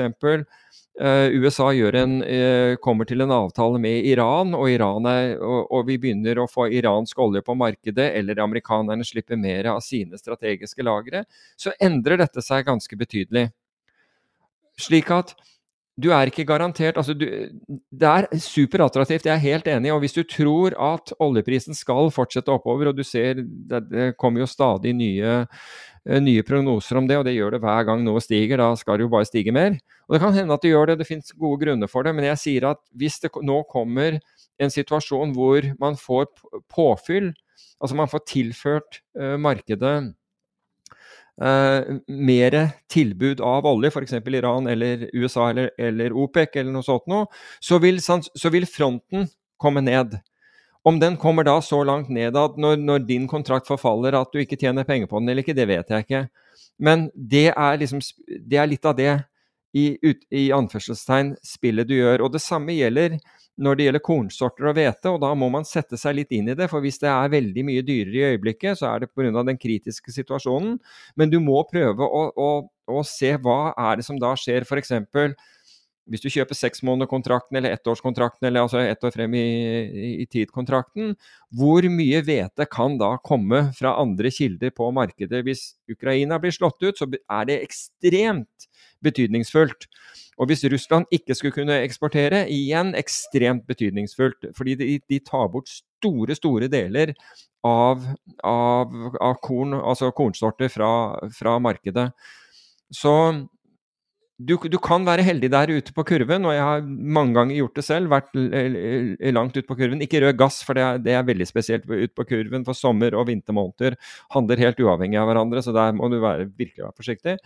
Men i disse andre så må man lese seg opp. Det er, det, det er, ikke noe free lunch der ute. Det kan være at det er det, men vær nå, les menyen godt, for å si det øh, på den måten, på forhånd, før man, før man gjør det. Men jeg har opplevd at det er underanalysert lenger ute.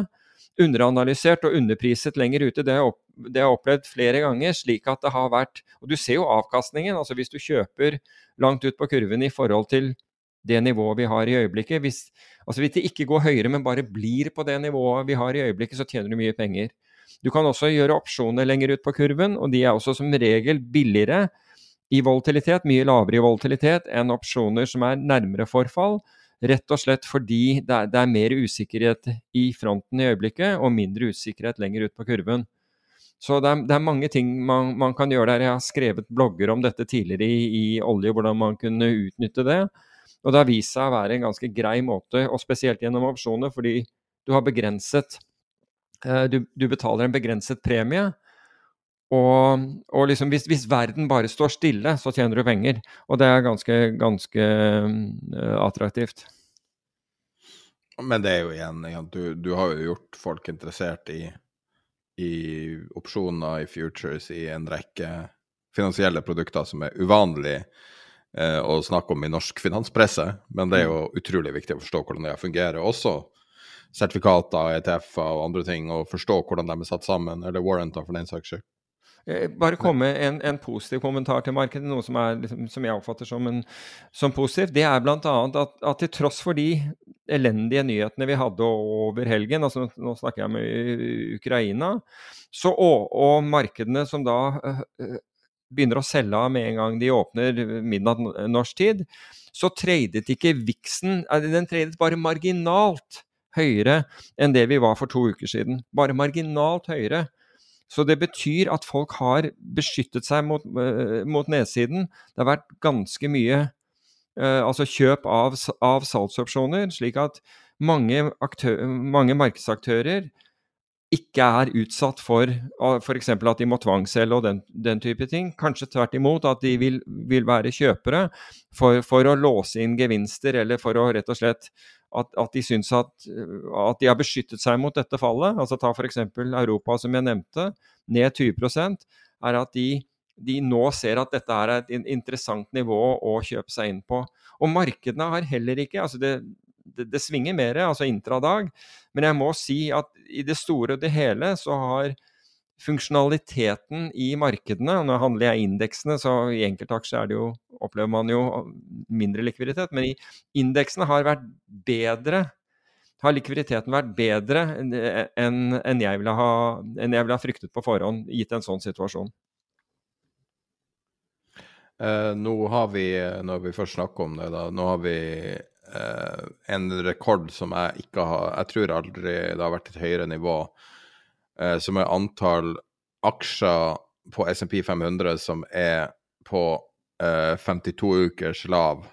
Mm. nei, sorry, Nasdaq. 52 ukers lav samtidig, og det er uh, ca. 600 og tidligere topper fra tidligere er sånn litt over 300. Så vi er på en sånn soleklar historisk topp her. Uh, er det her Altså, snakk om Det er jo det der gamle Warren Buffett-utsagnet som er å bli grådig når andre er redd, og redd når andre er grådig. Og folk er ganske redde nå. ja, altså i noen selskaper, fordi det er jo Var det på, på det var 50 selskaper på Oslo Børs eller noe sånt som var ned mer enn 30% osv. Um, så det, det, er tydelig at altså Dette er jo ganske selektivt. Hvis du ser på Oslo Børs-indeksen, så er den jo knapt ned. ikke sant? Det er ned 1 eller noe sånt på året. Uh, mens det er 20 ned andre steder. Og vi ser at teknologiselskaper og, har, i, i, i, de store markedene og kjente selskaper har falt 50-80% Det er klart at der kan man nok, altså Hvis man er ute og, og, og ønsker å, å, å, shoppe, så kan man si at der, liksom, der, er det virkelig blod i gatene. Der har folk blitt presset ut, og stopplåser har gått, og de har måttet selge fordi pga. belåning og alt mulig sånn. Det har tydeligvis skjedd der i disse i de store indeksene og de store selskapene i mindre grad, vil jeg tro. Selv om, selv om de, altså, indeksen over de 50 største selskapene i Europa, hvor også uh, en eller to norske selskaper i, inngår, har nå falt med 20% og er da i bear market territory, som, som man sier. Men er, jeg vil si at det er selektivt. altså Du, du kan ikke ta hele altså Under finanskrisen, når når, når indekser eh, er ned 50-60% altså de, de, store, brede indeksene, da kan du virkelig eh, snakke om, uh, om at dette er, er, er, bredt. Men i øyeblikket er det jo ikke bredt med, med Oslo. Altså Oslo Børs bare følger sitt eget mønster og er mye seinere enn de andre når, det gjelder å, å, å, rulle over. Og naturlig nok pga. at den er energitung. Men uh, på indeksnivå, så, så, så, på Oslo Hvis du var avskåret fra nyheter sukker og børskurser, så hadde, du, så hadde du bare gjespet hvis du så børsindeksen. Det er alle nyhetene som får deg til å på en måte Oi, oh shit, hva gjør jeg nå? Hva skal jeg nå? ikke sant? Og jeg ser på børskurser, jeg ser Kahoot eller en av disse Å, se, det har falt! da, liksom. Og det er da du begynner å bli Det begynner å forstyrre deg. Men ser du på børsindeksen, så ikke sant, så, så, så er, det, er, er den jo bortimot helt rolig. Jeg har hørt flere har snakka om de her store kvalitetsselskapene, at det er en god indikator uh, på om, uh, om, ting skal bunne ut, og at liksom vi snakker om sånn Når uh, Google og Microsoft begynner å falle 20% da, da kan du Og nå er jo akkurat nå er Google ned ca. 11% fra toppen. Mm.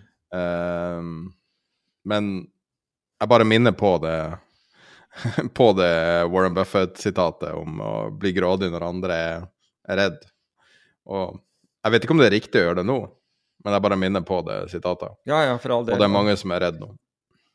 Ja, altså, men hva er de redde for? Det virker ikke som de er spesielt redde for, eh, for børsen, men det er, det er, jo de som har fått alvorlig mye juling her uh, uh, på børs, og det er jo de mest risikofylte selskapene. De mindre risikofylte selskapene har klart seg veldig godt. Ja. Så. Men skal vi ta og runde av? Du hadde en uh, uh, Et møte på Eller du var på NTNU uh, forrige uke? Ja, holdt foredrag på, på vinterkonferansen. og det var Altså, jeg sto opp 4.10 på, på, morgenen for å få flytoget opp og det første flyet opp og hele den der biten der for å være, være til stede. Jeg var der hele dagen. Jeg tror jeg var hjemme klokken halv ni på, på kvelden. Og jeg hadde det siste foredrag. Det var han Øystein, eh, Øystein Pølsa Pettersen som hadde det, det første foredraget. Det, det, skal jeg love deg, det var trykk i. Det var utrolig bra. Jeg har sett mange idrettsutøvere holde foredrag, men han tok kaka. Eh, virkelig verdt å høre på. Og så var det Birgitte Bryne fra, fra oljefondet som, som, snakket. Og så skulle det være Erna, men hun, hadde, eh, hun måtte i Stortinget. Da, da Støre skulle snakke om, om Ukraina, så vidt jeg vet. Og så, så, skulle jeg avslutte, så jeg, min seanse var helt på slutten. Men det var utrolig bra. Altså det, for det første var det kjempebra arrangert. Det var det, eh, Foredragene var, var veldig eh, var, var, var, utrolig bra. Altså, så de hadde gjort ordentlig lagt, uh, lagt sin, sin, sjel inni der, så foredragsholdere ble, ble veldig godt uh, ivaretatt og, og, og, mottatt og ivaretatt i løpet av, av, dagen.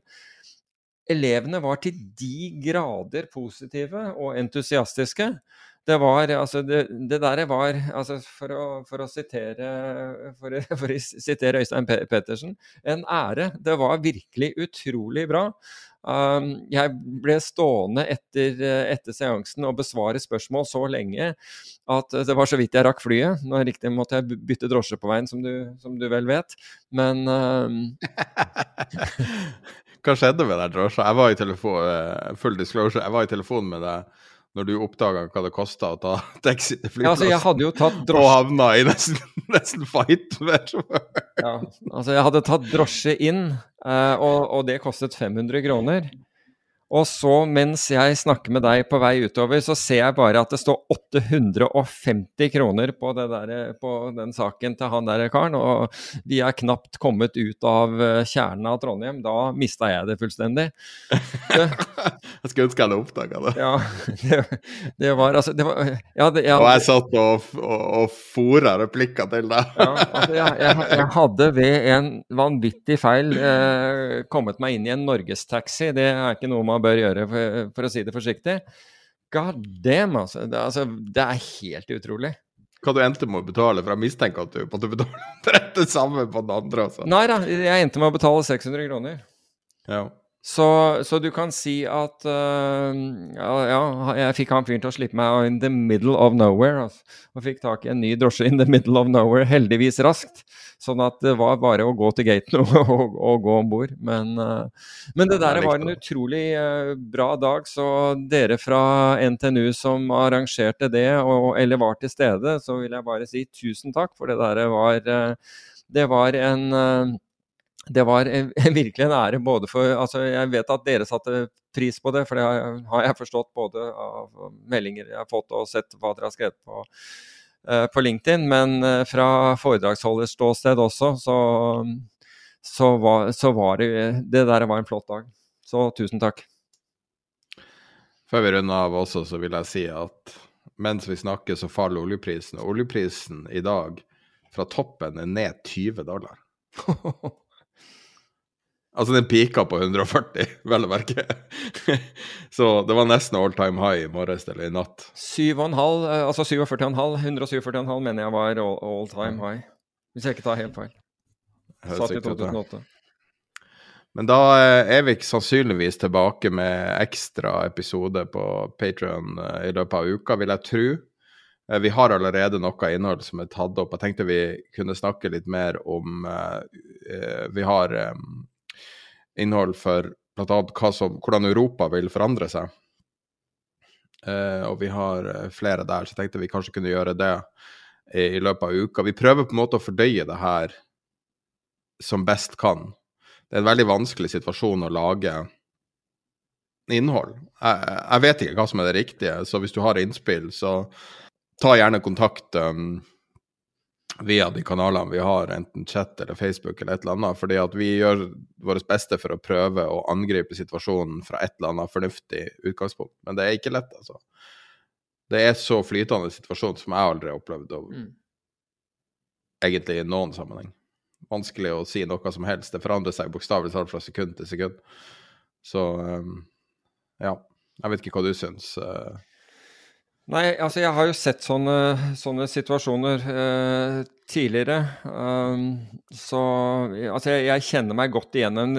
Det betyr jo ikke at du, er, at du er feilfri eller nødvendigvis vet hva du skal gjøre. Det eneste er at når markeder er som de er i øyeblikket, så, er, så bør man ha en god risikopremie for å ta risiko.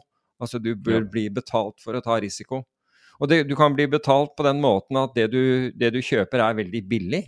Eh, rett og slett. Altså fundamentalt eller på annen måte uh, billig. Um, men det er, eller at du Altså, det er jo, det er jo egentlig det vi, vi søker, og, og, det bør det være. Du bør ikke betale opp i en sånn situasjon, og, og, i hvert fall fordi um, det, er, det, er, som jeg sa med med de som var ville etter å, skulle prøve å bunnfiske i det russiske markedet. Når du, når du, da kjøper en ETF som er priset 150 over net asset value, da, da, da, har du ikke gjort hjemmeleksen din. Altså, da, da, tror det, da, tror jeg du blir skuffet, for å si det på den måten.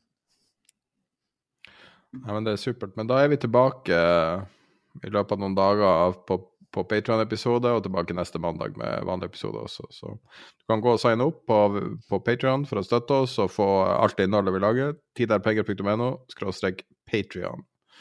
Um, men da runder vi av uh, episode 149. Ja. 150 neste gang. 150. Jubileum eller noe sånt. Så ikke den komme.